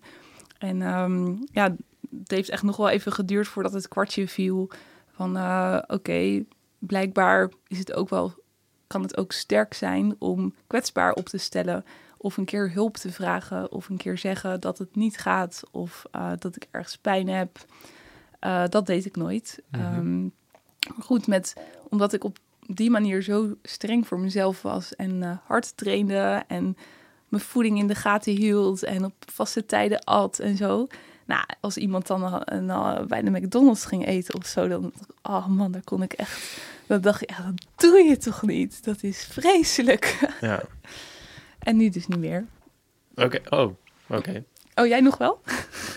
nou, nou, ik vind sowieso dat iedereen lekker moet doen wat hij zelf wil. Alleen, um, um, ik vind wel, um, als je ongezond leeft en uh, je er heel druk om maakt door te vertellen van ja, boeit mij niet en uh, ik, uh, hoe heet dat, body positivity en zo. Mm -hmm. ja, ik, oh, ja. dat, dat vind ik prima. Alleen, um, um, ik, volgens, ik denk dat heel veel mensen zich, um, zich er eigenlijk wel druk om maken en dat een soort als een defense mechanism gebruiken. En dat vind ik heel erg jammer, omdat ja, ik, ik wil wel graag dat mensen gezond zijn en zich chill voelen. Mm -hmm. Dus dan denk ik altijd, het, het, heeft niet zo heel veel zin om dat defense mechanism ja. te gebruiken. Ja. Want juist door je kwetsbaar op te stellen of te zeggen van, joh, ik, ik weet het even niet of ik wil hier iets aan veranderen, dan, dan ga, gaat die verandering kan er in gang gebeuren. Ja, ja, zeker. Eens. Dus uh, um, en uh, ja, ik vind wel dat als, als je obese bent, ja, dat is niet gezond. Nee. Dus um, en je, dat moet je zelf weten, maar je moet niet zeggen, ja, er is niks aan de hand, want er is dus wel wat aan de hand, want je bent obese en dat is ja. dat is ongezond. Ja. Um, ja, nou ja Maar het- ik blijf in cirkels redeneren. Het is prima, moet jij weten. Ja. Eh, Maar je kunt niet zeggen ehm, dat het eh, ehm, voor jou prima is. Want dat is niet waar. Mhm. Ja, ik, ik was... Oh nee, de kans is groot, Ja. heel groot, dat dat ongezond is. Laten we daarop houden. Er zijn natuurlijk wel mensen die overgewicht, veel overgewicht hebben, die wat betreft bloedwaarde en weet ik veel wat, dat soort Heel dingen. Ja, dat, is- Ja. Maar die, ja, dat zijn er heel weinig. Ja, het gaat er meer om, zeg maar, even los van hen of hoe ze, hoe ze in hun vel zitten of wat ze er zelf van vinden of wat ze er zelf aandoen of tegen doen. Of, eh, ehm, voor mij is het meer dat mijn visie op hen is veranderd. Eerder kon ik er geen begrip voor opbrengen. Mhm. En nu ehm, heel erg wel. En kan ik eh, ja, compassie voelen en zien dat ze ook gewoon hun best doen. En eh, dat, het niet, dat is de realiteit. Dat Ja. is het eigenlijk. Dus ik ben meer, ik ben meer gaan waarderen wat de realiteit is. En het ook zien zonder filter van hoe het zou moeten zijn of wat mijn mening ergens over is. En dat scheelt echt een hoop frustratie en ergernis en boosheid van mijn kant naar de wereld. Dus Ja, nee, ja daar stuk me wel in inderdaad. Maar zo, sowieso de houding van moet jij weten wat je doet, is wel altijd wel lekker. ja. Omdat Ja. dan, ehm, maar ja, als, zodra het over inhoud gaat en je argumenten kunt gebruiken, dan Ja, ja ik, ik ben, merk ook eh, dat ik nu heel veel de vraag stel: is het waar? Bij alles. mhm. Echt, echt bij heel veel dingen vraag ik me af. Ook als ik zelf een statement doe, dan hoor ik al dat stemmetje in mijn hoofd. Zo, oh, is dat eigenlijk waar? Weet niet. Mhm. Dus, dus nadat ik eh, bij de School for the Work was geweest eh, vorig jaar, eh, is dat een soort automatisme in mezelf geworden. Dat ik Dus- dus je- alles bevraag. Dus dan ga ik weer die, die, die bejaarde vraag stellen. Vond je het het waard, die 5200 euro? Wat, wat eh, werkt dat? Ga je dan ook vliegen dan naar Londen en dan zit je vier dagen in een van de congres of hoe werkt zoiets? Ehm, Is het een online cursus met video's? Nee, ik eh, ben naar Frankfurt gegaan. ehm, in een. eh, Het tropische Frankfurt. ja, ja. In een, in een hotel. Er waren ongeveer 250 mensen. En het duurde negen dagen. Oké. Ja, en eh, ja, alles eh, volledig eh, goed verzorgd. Nou, wat ik bijvoorbeeld heel grappig, ik vond het vreselijk dat ik maar drie keer per dag moest, mocht eten. Vond ik echt. Ik, ik kon dat niet aan. Ook van tevoren heb ik allemaal eten ingeslagen en zo. Mhm. Want ik dacht, ja, ik moet gewoon zes keer per dag eten. Dat moet. Anders dan gaan mijn spieren eraan. En ik moet eiwit. ik, moet, ik, ik kan toch niet. Zeg maar, eh, volgens mij was om eh, half acht het ontbijt. En dan het volgende eetmoment was om één uur. Nou, Mhm. ik, dat kon dat gewoon. Ja. Was er een gym? Ging- Nee, ook niet. Oh, en toen? Dat was eh, eh, heftig. Ik, ik, eh, ik heb daar worksheets over ingevuld en gevraagd: is het waar? Nou ja. Ja. Oké, maar Nou, op een gegeven moment was het dus eh, body day. Dus dan ga je... Ja, veel mensen hebben natuurlijk issues met hun lijf. Dus gingen we daar allemaal dingen over bevragen. eh, Mhm. oordelen bevragen. Die je over je eigen lijf hebt. En eh, ja, ik had volgens mij opgeschreven van... eh, iets van... ehm, eh, ik trek het niet meer. Of ik hou het niet, ik hou het niet meer vol. mhm.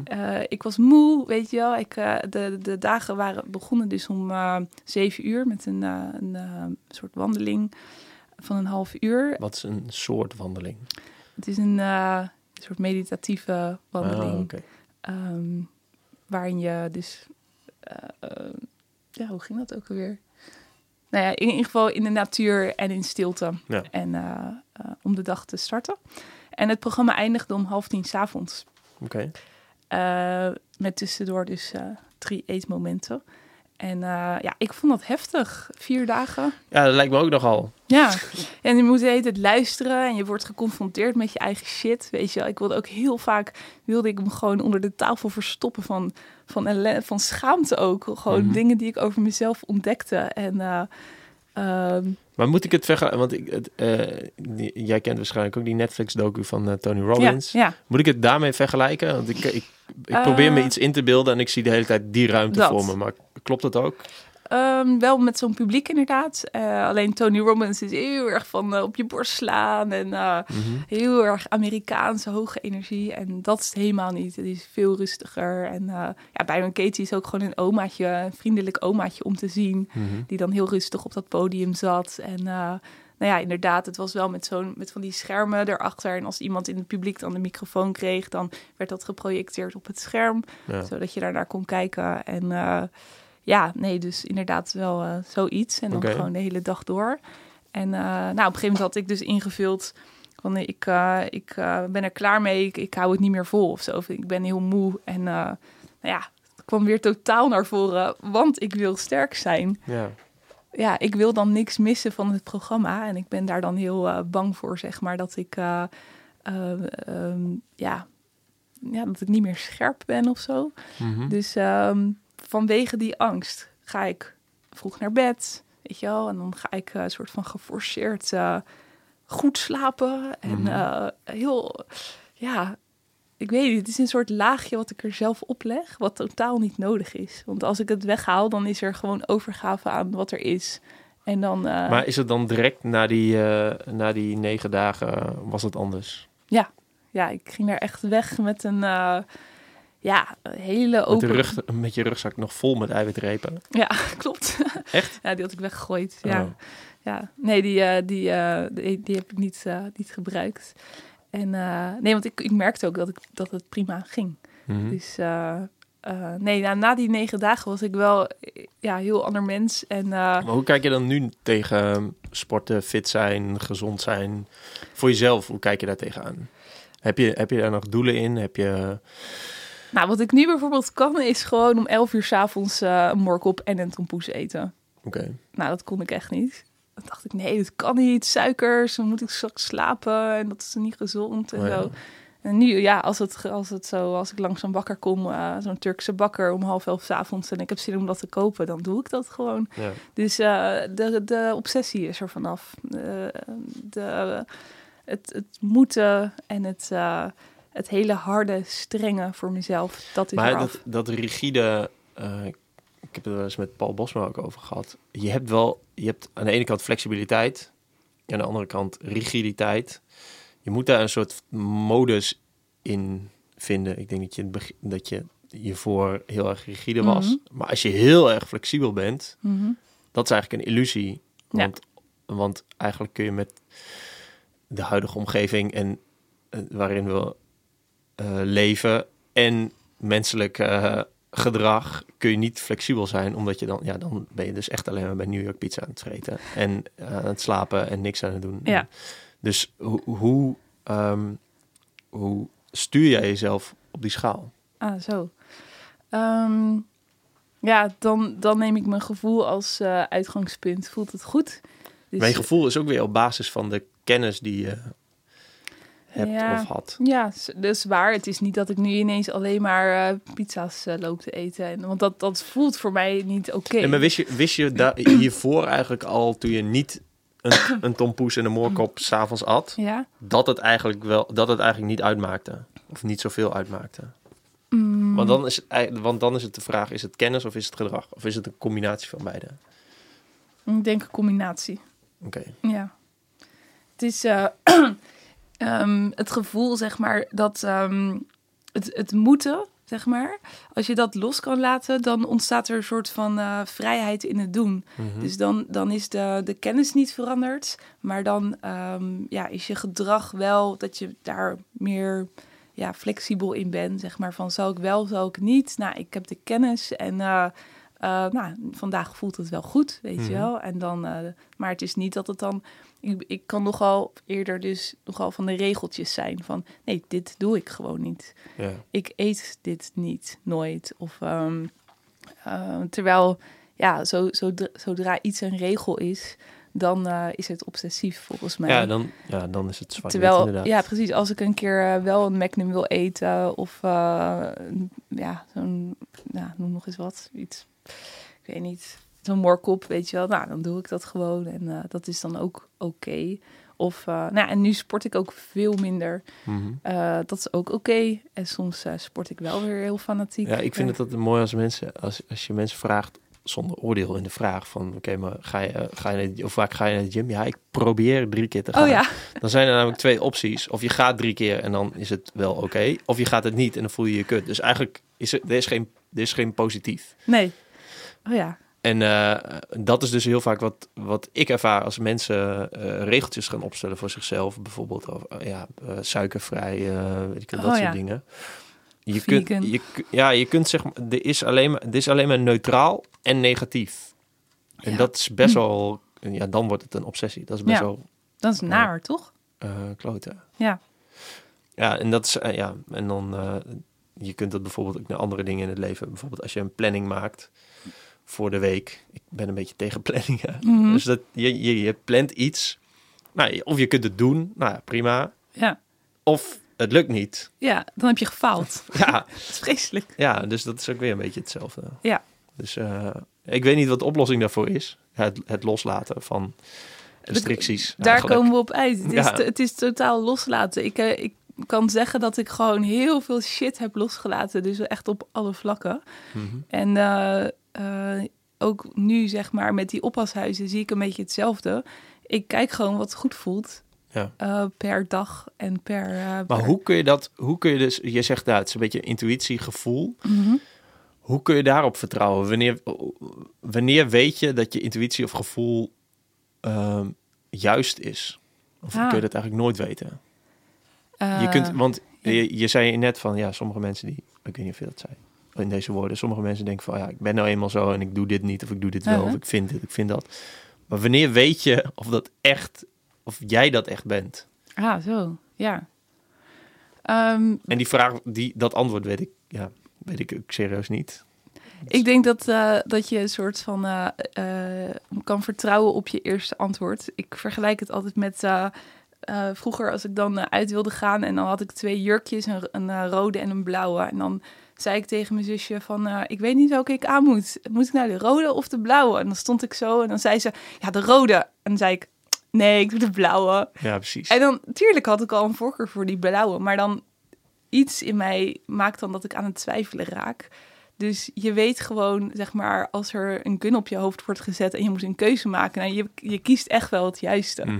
Dus, ehm, maar het is je mind die dan in een fractie van een seconde daarna allerlei ehm, tegenargumenten gaat bedenken waarom je dat niet zou moeten doen. Ja. Maar je weet het gewoon met alles.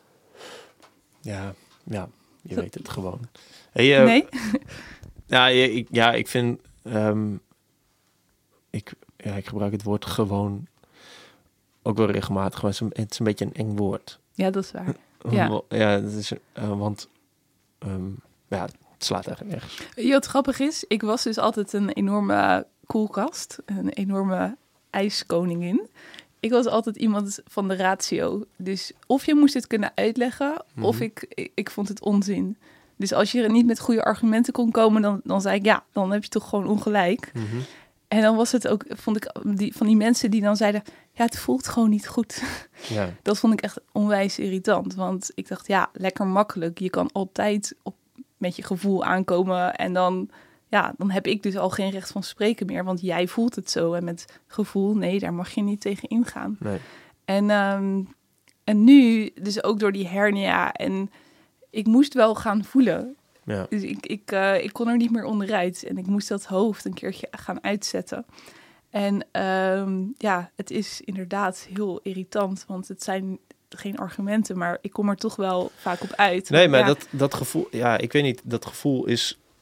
Je kunt dat namelijk wel heel veel gebruiken als je bijvoorbeeld beslissingen moet nemen om iets te doen, als het gaat om gedrag.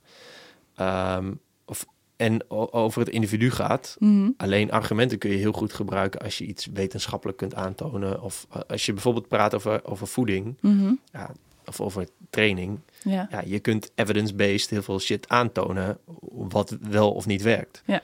Alleen ehm, eh, het individu, het is, heel groot, er is een heel groot verschil tussen wat voor de meeste mensen werkt of niet en wat je als individu heel belangrijk vindt. Als Ja. individu, ja, je kunt op basis van wetenschap denken, oké, ehm, suikervrij eten eh, is überhaupt is kan is kan niet. Je kunt Mhm. niet suiker, suikervrij eten.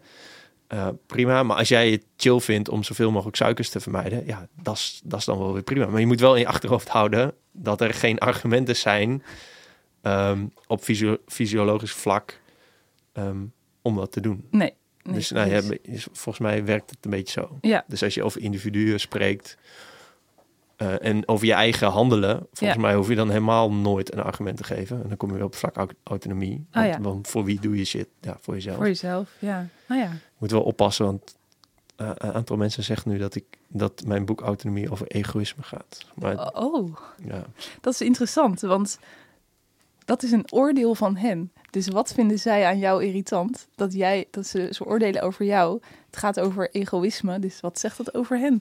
ja, ja goede Dit vraag. is een hele interessante. Ja, ik weet niet of, of die discussie op die manier eh, chill gaat werken. Maar ja, dat, dat snap ik wel. Ja, Maar eh, even, ik denk eh 40 minuten terug. ja. Je was volgens mij bij hoofdstuk 4 van je boek. Oh ja, thuis zonder. Eh, even kijken, thuis zonder werk hadden we inderdaad gehad. En thuis zonder. Daar was je mee bezig. Toen vertelde je Byron Katie en toen kwamen we hier maar op. Ja, We kunnen hier ook nog verder gaan. Maar ik ben wel benieuwd, want je zei zes hoofdstukken. hoe het, hoe het eindigt inderdaad. Ehm, na thuis zonder werk komt er eh, thuis met mezelf. Ehm, oh nee, sorry, ik ben in de war. Eerst thuis met pijn. En dan eh, vertel ik dus over die hernia. Mhm. en wat het allemaal teweeg heeft gebracht. En eh, eigenlijk van eh, koelkast, ijskoningin, iemand die alleen maar op ratio vaart, naar toch meer op gevoel vertrouwen. Ehm, en eh, daarmee kom ik dus ook bij thuis met mezelf. Eh, autonomie eigenlijk. Ja, je, Mhm. je hebt eh, jezelf altijd bij je. Dus wel zo prettig als je met jezelf door één deur kunt. Ja. En ehm, ja, som- ik heb bijvoorbeeld ook een hoofdstuk geschreven over ehm, excuses aanbieden. Eh, ik weet niet of je dat ook kent, maar dat je met bepaalde mensen is er dan iets voorgevallen, Mhm. waardoor elke keer als je ze ziet, dat er nog iets tussen jullie in staat. Mhm. Ehm, er is misschien een. eh, ik weet eigenlijk niet of dat voor mannen ook zo is. Die zijn misschien meer spreken iets uit, bam, klaar. Nee, gaan nee. Ik, Oh, je herkent het. ja, ik ken het al, ja. Oké. Ehm, ja, dan kan het gewoon dat je, dat je minder met elkaar gaat afspreken. Want er, er is gewoon nog iets van een irritatietje of zo, wat, Mhm. wat mm, lastig is. En ehm, nou ja, vaak komt dat omdat je eh, zelf vindt dat je gelijk hebt. Of eh, ja, je, je ziet de situatie vanuit één kant, zeg maar. Mhm. En ehm, in, in het deel thuis met mezelf heb ik dus beschreven dat ik, dat ik op een gegeven moment gewoon sorry ben gaan zeggen tegen alle mensen waar ik nog iets mee had. Mhm. Waarvan ik dacht, ja, als ik die eh, in de supermarkt tegenkom, dat vind ik niet heel relaxed. Weet je Ja, dan, dan, dan is het een beetje zo awkward. Oh, hi. En dan... eh, Ja. want Maar, er, wa- maar waarom is sorry dan de, de oplossing? je bevrijdt jezelf. Oké, maar heb je dan ook echt oprecht spijt van iets? Ja, Oké. ja dus dan eh, ik kon ik kon op een gegeven moment zien van oh ja, in die situatie eh, heb ik ook, ik heb me afgesloten, ik heb ik ben niet helemaal eerlijk geweest, ik heb misschien geroddeld over diegene.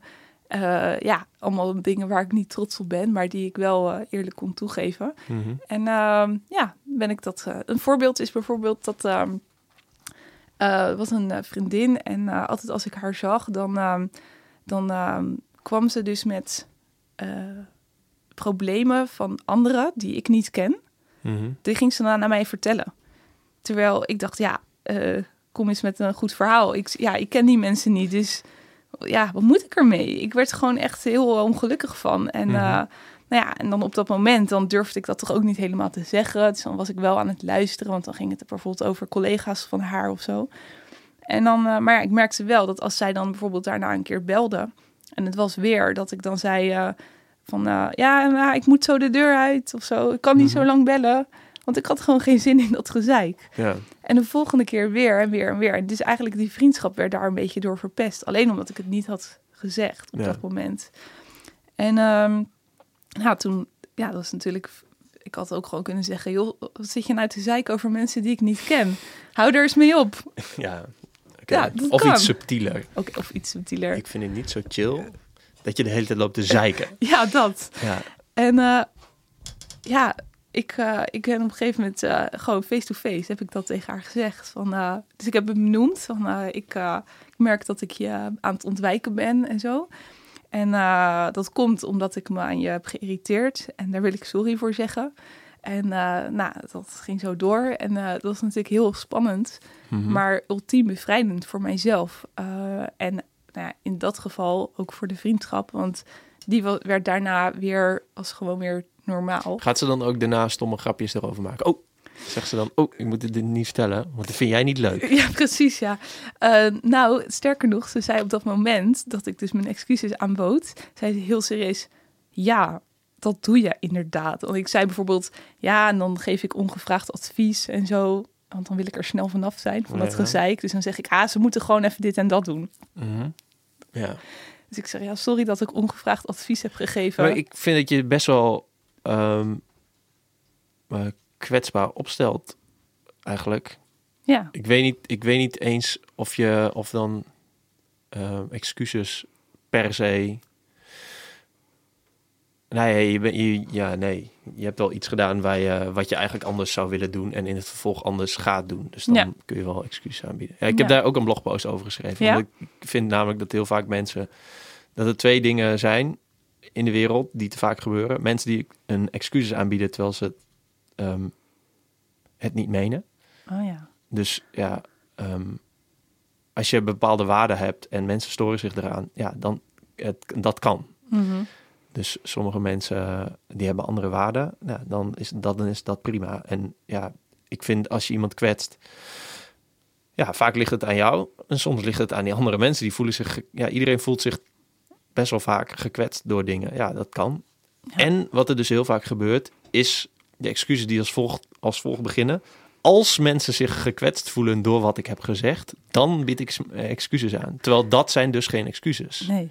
Oh ja. Excuses zijn als je het zelf op, oprecht inzicht krijgt van oké, wat, ik, wat ik heb gedaan ehm, eh, ehm, was niet goed. Ja.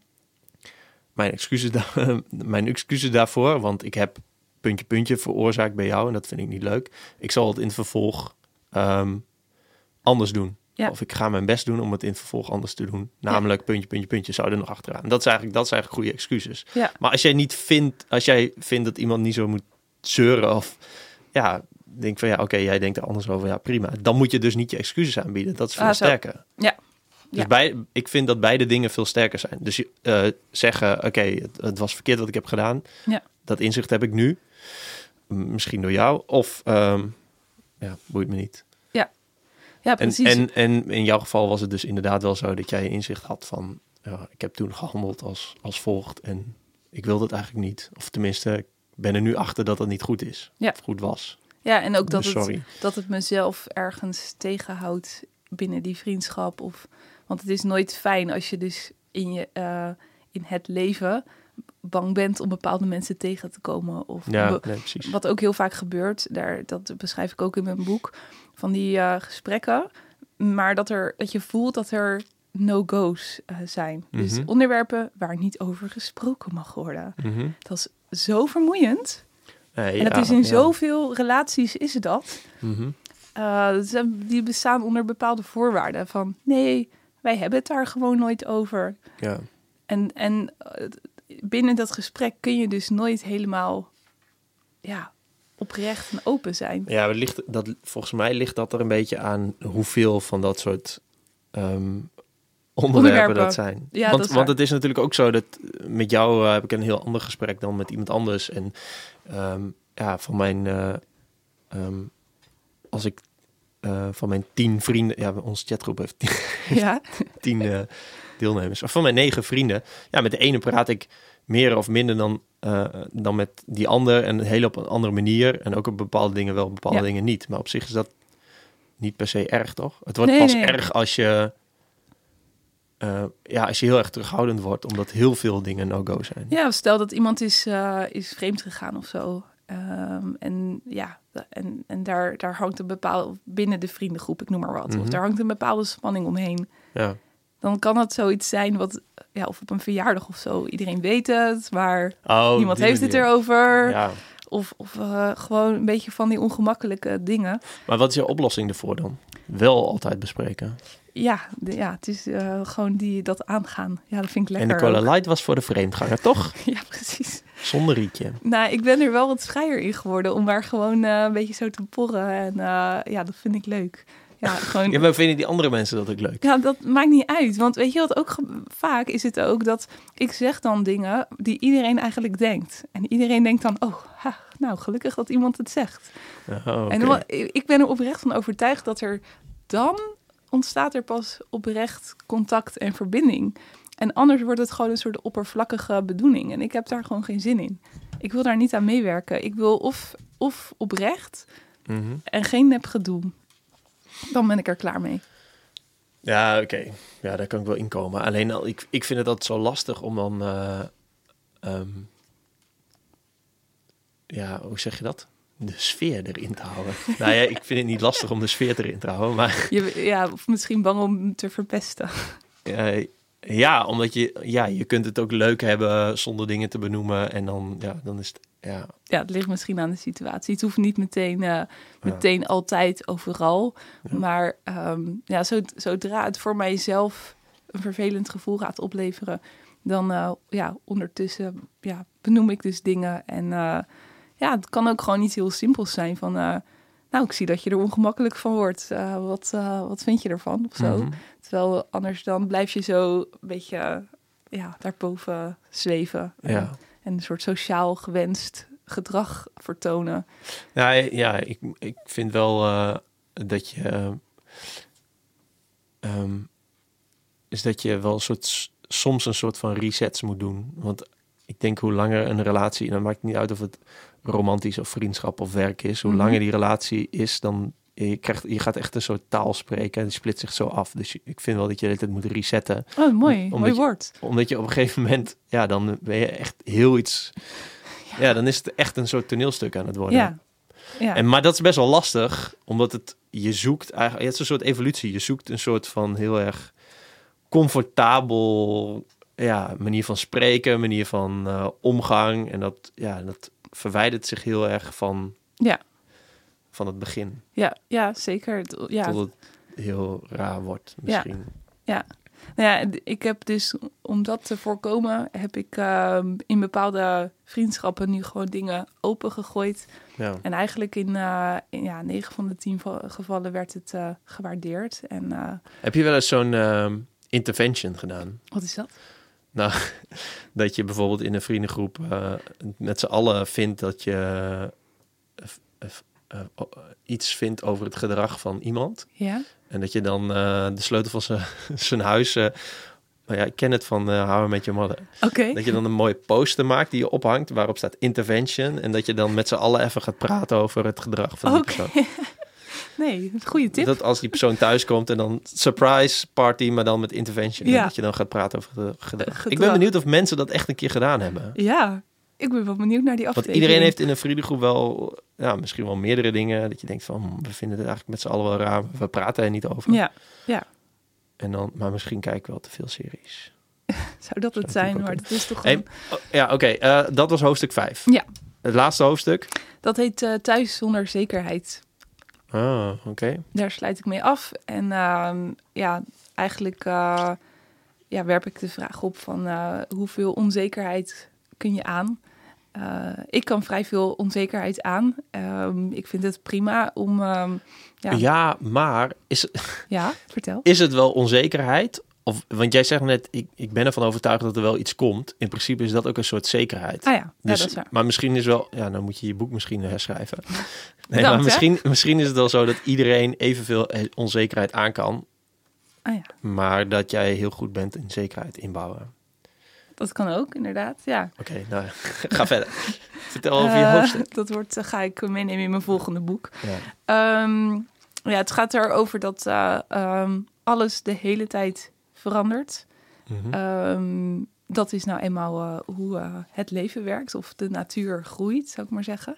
En aangezien we daar onderdeel van zijn, ontwikkelen wij ook de hele tijd. Hoe heet dat Latijnse gezegde ook alweer? Heb je dat erin? Nee, wat is dat? Dat alles stroomt. Hoe heet dat ook alweer? Oh, Dat dat de rivier hetzelfde blijft, maar dat, eh, dat uit toch het is ander water. En de mieren die zo lopen, dat lijkt zo'n lijntje van... Mm, dus het lijntje blijft hetzelfde, maar het zijn andere mieren. Wacht, ik heb gewoon een computer voor mijn neus. Kijk, Google. Alles stroomt. Ik weet niet waarom dit relevant is. Omdat ik gewoon stoer wil doen over dingen die ik weet. Het sluit wel heel erg aan. Want ik, ik maak in mijn eh, boek ook heel veel vergelijking met Taoïsme. Eh, of, of ik gebruik eh, Taoïstische versen. En die gaan er ook over. Dat ehm, alles in de natuur altijd gewoon perfect geregeld is. En, ehm, Is dat Taoïsme? Nou ja, ze noemen het Pantarij is het. pantarij. Mooi. Ja. Weer wat geleerd. Ja, Dank je. maar goed. In de natuur is alles perfect geregeld. Ja, dat, het gaat zoals, eh, zoals het, eh, het gaat, zeg maar. Dus niemand, niemand ehm, bedenkt hoe die boom gaat groeien. En dat er op een gegeven moment appels aan groeien en dat die er afvallen enzovoort. Nee. Dat, eh, dat wordt niet per se geregisseerd of zo. Maar wij mensen, die, wij denken altijd wel dat wij van alles moeten doen. Dat is zo. Er Eh, dan stopt hij opeens. Ehm, dat is dus precies mijn probleem met managers. Oh, vertel. Nou ja, managers zijn een soort regisseurs. Ik vind dat, ja, eh, ik vind niet per se dat mensen gemanaged moeten worden. Zijn, we zijn geen robots of Nee. machines. Dus ja, ik vind steeds, het komt wel goed. En ik snap dat het in het, in het huidige economisch systeem misschien iets anders werkt. Maar Ja. ik heb daar nog wel wat moeite mee. Ga Ja, door. Het, nee, maar dat is het precies. Het komt wel goed. Dus als je... Ja, Eigenlijk gaat de... alleen behalve als je zoveel mogelijk geld wil verdienen met je bedrijf, dan niet. nee. Want dan, ja, dan komt het ook wel goed, alleen niet efficiënt genoeg. Ja. Nou ja, het is, Tao, de Tao Te, Chi- Tao Te Ching is dus geschreven eigenlijk voor managers. Dus voor ehm, keizers en zo. Het gaat ook over hoe je het beste je dorp of je land zou kunnen regeren. Ja. En eh, eigenlijk is de conclusie, doe niks. Doe, eh, breek niet in, laat alles gaan zoals het gaat. En dat is de beste manier ja. Ehm, want mensen weten vanzelf wel wat ze moeten doen. En eh, ehm, als je, zo, hoe meer je inbreekt, hoe fouter het gaat. ja. Ehm, Beetje, ja. Porren in een eh, wond. ja, ja. En ja, zo zie ik dus ook eh, dat thuis zonder zekerheid. Dat ja, omdat alles verandert, neem ik dat aan als gegeven. Mhm. En eh, wanneer er dus iets verandert in mijn planning of in ehm, mijn wensen eh, of in mijn gevoel of whatever, ehm, dan is dat oké, want ik verwacht dat al. Ik, eh, ik, heb dat al als, ik heb dat al aangenomen dat dat sowieso gebeurt. Denk je, denk je dan ook dat er veel mensen zijn die ehm, daarom best wel terughoudend zijn of veel of vaak hetzelfde blijven doen? Omdat wanneer ze zo'n gevoel krijgen ehm, dat ze opeens iets anders willen, dat ze denken, ah, zo ben ik eigenlijk helemaal niet. Ik moet Mhm. gewoon dat daar stress vandaan komt en anxiety en dat soort dingen. Ja, want als je ehm, zo gewend bent aan een bepaalde ja, weekplanning of een, je weet je, je, je gaat naar je werk en naar je sport en naar je eh, en op, op een gegeven moment heb je weekend en dan doe je ook de dingen, dan zie je de vrienden die je altijd ziet. En als dat heel vast ligt en in dat komt ineens verandering, Mhm. wow, dat is dan echt heel spannend, want Ja. dat, dat ken je niet, weet je wel. En ehm, Maar je vindt wel dat die verandering niet per se een oorzaak hoeft te he- hebben. Dat gebeurt gewoon. ja, ja, dat kan. Je, je hoeft er ook niet naar op zoek. Nee. Dus dat is gewoon prima. Waarschijnlijk eh, is het eerder dat het gebeurt, maar dat je het nog ontkent. Ja, ja, precies. Dus wat ik net zei, dat je eigenlijk een gevoel hebt van... ik vind het eigenlijk helemaal niet meer zo leuk Mhm. op mijn werk... waar ik het vroeger wel leuk vond. Ja, Of in een relatie, of plek waar je woont. Ja. eh, zoiets. Ja. Ehm, ehm, ja, dat je zo'n gevoel krijgt van... Ja, misschien moet ik iets anders. Ja zo'n soort Nee, ja. onrust is dat. Nou ja, eigenlijk is je gevoel, ik wil iets anders. Maar je denkt, misschien moet ik iets anders. En Ja. dat je dat dan eerst gaat wegstoppen. En op een gegeven moment dan ja, wordt het gevoel zo sterk. kun je er niet meer onderuit. Mhm. Ja. Oké. Ja, en dan, en dan, ehm, dan lijkt dat ook, die, die verandering, dat lijkt dan inderdaad meteen ook iets gigantisch. Want dan ja, moet je ineens je baan op gaan zeggen of je relatie uitmaken of verhuizen. En dat zijn vaak dingen, ja, dan komen er daarmee komen ook heel veel andere veranderingen Ja. op je af. Dus het is niet, niet gewoon één klein stapje wat je, wat je neemt, maar dan zijn het er misschien meteen 50 tegelijk. Ja. En ehm, ja, ik, ik heb er gewoon een soort van kunst van gemaakt om ja, verandering eh, te omarmen. Het is er de hele tijd en eh, ik ben er zelfs blij mee. En ik, ik zie het als een soort van eh, ja, een soort cadeau of zo van wow, wat ga ik nu weer meemaken? En wat Ja. gaat er nu weer gebeuren? Kom maar op, weet je wel. En Maar hoe, kan, hoe zou het dan kunnen zijn dat mensen structuur zo fijn vinden en vaste, vastigheid? grappig, want ik heb dat dus zelf ook. Dat ik. Want volgens, je, eigenlijk is het toch allebei wel chill? Dus Ja. nieuwe dingen ervaren, reizen maken, nieuwe mensen leren kennen, nieuwe skills leren enzovoort. mhm. Maar ook wel dat je terug kan vallen op een structuur. Het grappige is dat eh, ik eh, hou dus heel erg van eh, orde en structuur. eh, van het opruimen en het, ja, het ordenen dus. En eh, ik merk dus ook dat als ik eh, ehm, ergens ben in een nieuw oppashuis, dan ehm, heb ik ook echt mijn routine in dat huis. En dan loop ik echt heel veel dezelfde routes ook in het huis. Want ja, Mhm. ik heb natuurlijk ook niks te zoeken in de kasten of zo. Dus daar kom ik ook gewoon niet. En wat ik ook wel kan hebben is als ik dan een leuk eh, koffietentje eh, heb gezien op de hoek van de straat, dat ik daar dan in die drie weken ook gewoon meteen zes keer heen ga. Mhm. Terwijl je zou kunnen zeggen, nou, je woont in een nieuwe stad, dus daar is genoeg te ontdekken. Ga dan naar zes verschillende koffietentjes. Ja, maar dat is, dat is ook weer zo'n schaal, denk ik. Want je, dat, het nieuwe voor jou is al het nieuwe huis en de nieuwe plek. Precies, ja. Dus En de nieuwe ehm, ja, bewegingen, zeg maar, daar. Mhm. Ja, en dan daarbinnen zoek ik naar mijn routines. Ja, want dan, want ja, dan moet je je afvragen, oké, dan moet je dus iedere dag naar een nieuw koffietentje. Maar dan moet je ook iedere dag op een ander tijdstip en iedere dag aan een andere plek gaan zitten en iedere dag iets anders bestellen. Ja.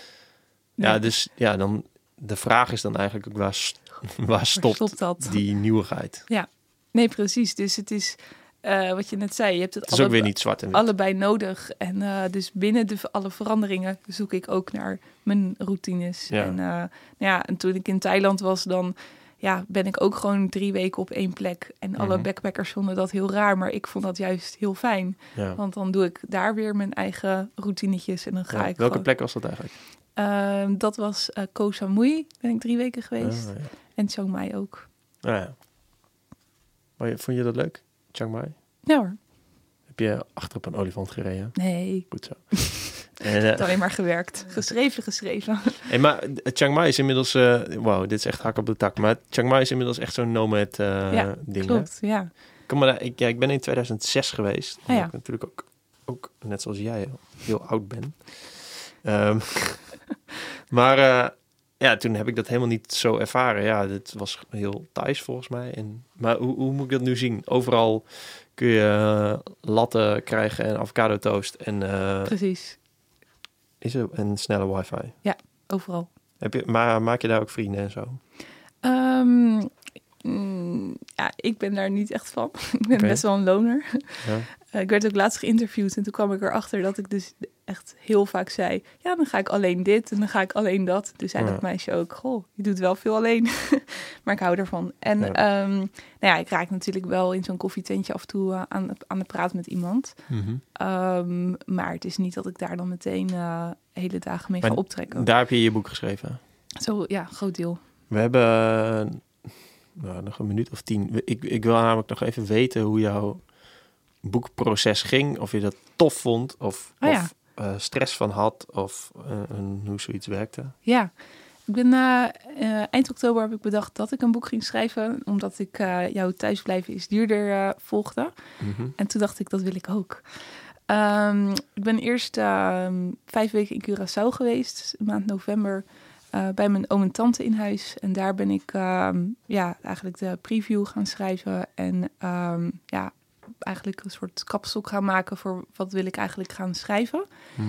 En eh, die preview die heb ik ehm, ja, aan heel veel mensen laten lezen. Op een gegeven moment, eh, geloof ik 300 mensen die daar feedback op hebben gegeven. En eh, waar, waardoor ik ook al wat reviews had. En ehm, ja, toen was ik vier weken in Nederland, website gemaakt, ehm boekcover en al dat soort dingen in orde gemaakt. En eh, gezorgd dat mensen het eh, al konden gaan kopen, zoals jij het ook hebt gedaan. Dus dat Mhm. de pre-orders ehm, eh, besteld konden worden. En toen ben ik naar Thailand gegaan. ehm, heb ik in, nou, volgens mij heb ik in tien dagen tijd eh 100 bladzijden geschreven. Ja, best wel Ehm, veel toch? Ja, echt. Is Ik, dat 3.000, 4.000 woorden per dag of zo? Zoiets, ja. Ja, ja echt. ik ben gaan zitten en ik ben alles gaan opschrijven wat, eh, wat er in mijn hoofd zat. Mhm. Over de oppashuizen. Maar was, is, eh, had je dan ook 's ochtends zin om eh, weer lekker te gaan schrijven? Was het echt zo'n proces? Ja. Van, yo, het is echt een goede eigenlijk flow van een, van een week lang, van tien dagen lang? Ja, het moest er echt uit. Ja, ik was daarna helemaal gesloopt. Oké. Ik zat, elke dag om acht uur zat ik in hetzelfde koffietentje. Ja. De, dat was op een klein eilandje.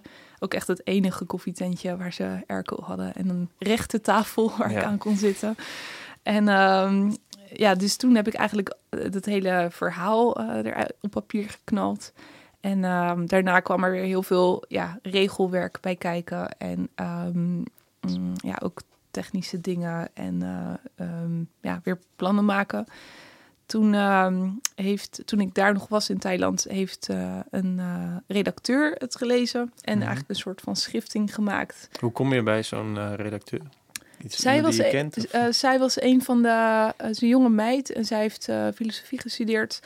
En ehm, eh, zij was een van de mensen die die preview had gelezen. Oh ja. En dat was via een Facebookgroep gegaan. Ze had erop gereageerd. Zo van, joh, eh, ik, eh, ik eh, doe iets met tekst en ik wil je wel helpen. Mhm. En ehm, ja, dus dat, dat klikte. En ik merkte al, ja, door haar feedback dat, dat ze wel verstand van zaken heeft. En ja, dus zij, zij ehm, heeft me geholpen met een, een lijn erin aanbrengen. Waardoor die zes delen dus zijn ontstaan. En nou, het stomme is dat na Thailand dacht ik... oh, nou, ik ben wel voor eh 95% klaar of zo. Ja. Nou, dat viel nogal zwaar tegen. ja, dat snap ik wel. Ja. Dus de afgelopen weken heb ik echt eh, heel hard gewerkt om het af te krijgen. Ja, Oké, en nu is het af? Ja. En eh, ja, hoe- eh, je laten drukken en waar, waar kunnen we het kopen? thuiszonderhuis.nl eh, kun je het pre-orderen. En eind juni, ik geloof 30 juni, dan valt het boek bij in de brievenbus. Ga je, het- hoe ga je het eigenlijk doen met versturen? Snapix. Oh, ik snap Hex. Ja, Ah, Ja. wat goed. ik doe gewoon alles wat jij doet. Ja, ja, gewoon doen. nou ja, eigenlijk heeft hij mij benaderd van hey, eh, Oh ja, Ja. dat zei je, ja. Ja, ja. Hoe, hoe, hoe, oh, hoe kwam hij, Hij, ook eh, eh, volgens mij via Twitter had je iets over mijn boek Oh, gezegd. ja, ja, Dat ja. had hij gezien en Ja. zo had hij mij benaderd. En ja, nee, helemaal leuk. oh, grappig. Dus dat zal wel goed komen. Oké, nou, ik ben heel benieuwd. Ja, Thuis zonder huis. Dus nu eh, ben ik, eh, heb ik tijd om een eh, boekpresentatie te gaan regelen. Dat heb jij niet gedaan, toch? Jij was toen weg. Ehm, nee, ja, toen het uitkwam was ik inderdaad in Zuid-Afrika. Ja. Dus ik, ik zag mijn boek twee weken nadat hij uit... Ja, nee, ik vond het wel mooi eigenlijk. Een soort van... eh past er wel goed bij. Ja, Het boek heet Thuis blijven sturen en ik ben er zelf niet. Niet thuis. Ja, en, ehm, ja nee, ja, ik, ja, ik weet niet, een boekpresentatie. Misschien dat ik bij de volgende het wel zou doen, alleen eh, ik zie niet echt de toegevoegde waarde van.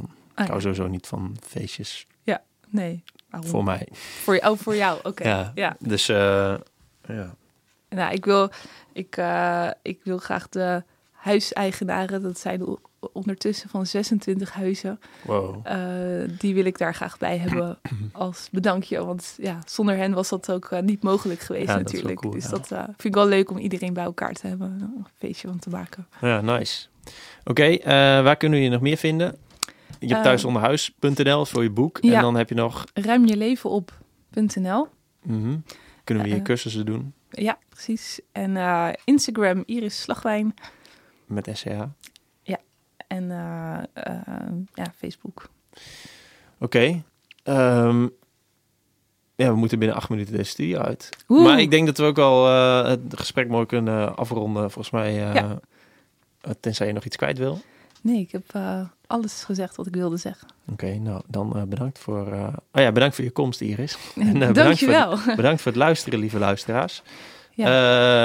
Ehm, ja, wil je reageren op deze podcast? eh, doe dat dan eh, bijvoorbeeld eh, op Instagram bij eh, Iris of eh, bij mij op Instagram of op Twitter of zo. Nou, kijk maar even. Doei!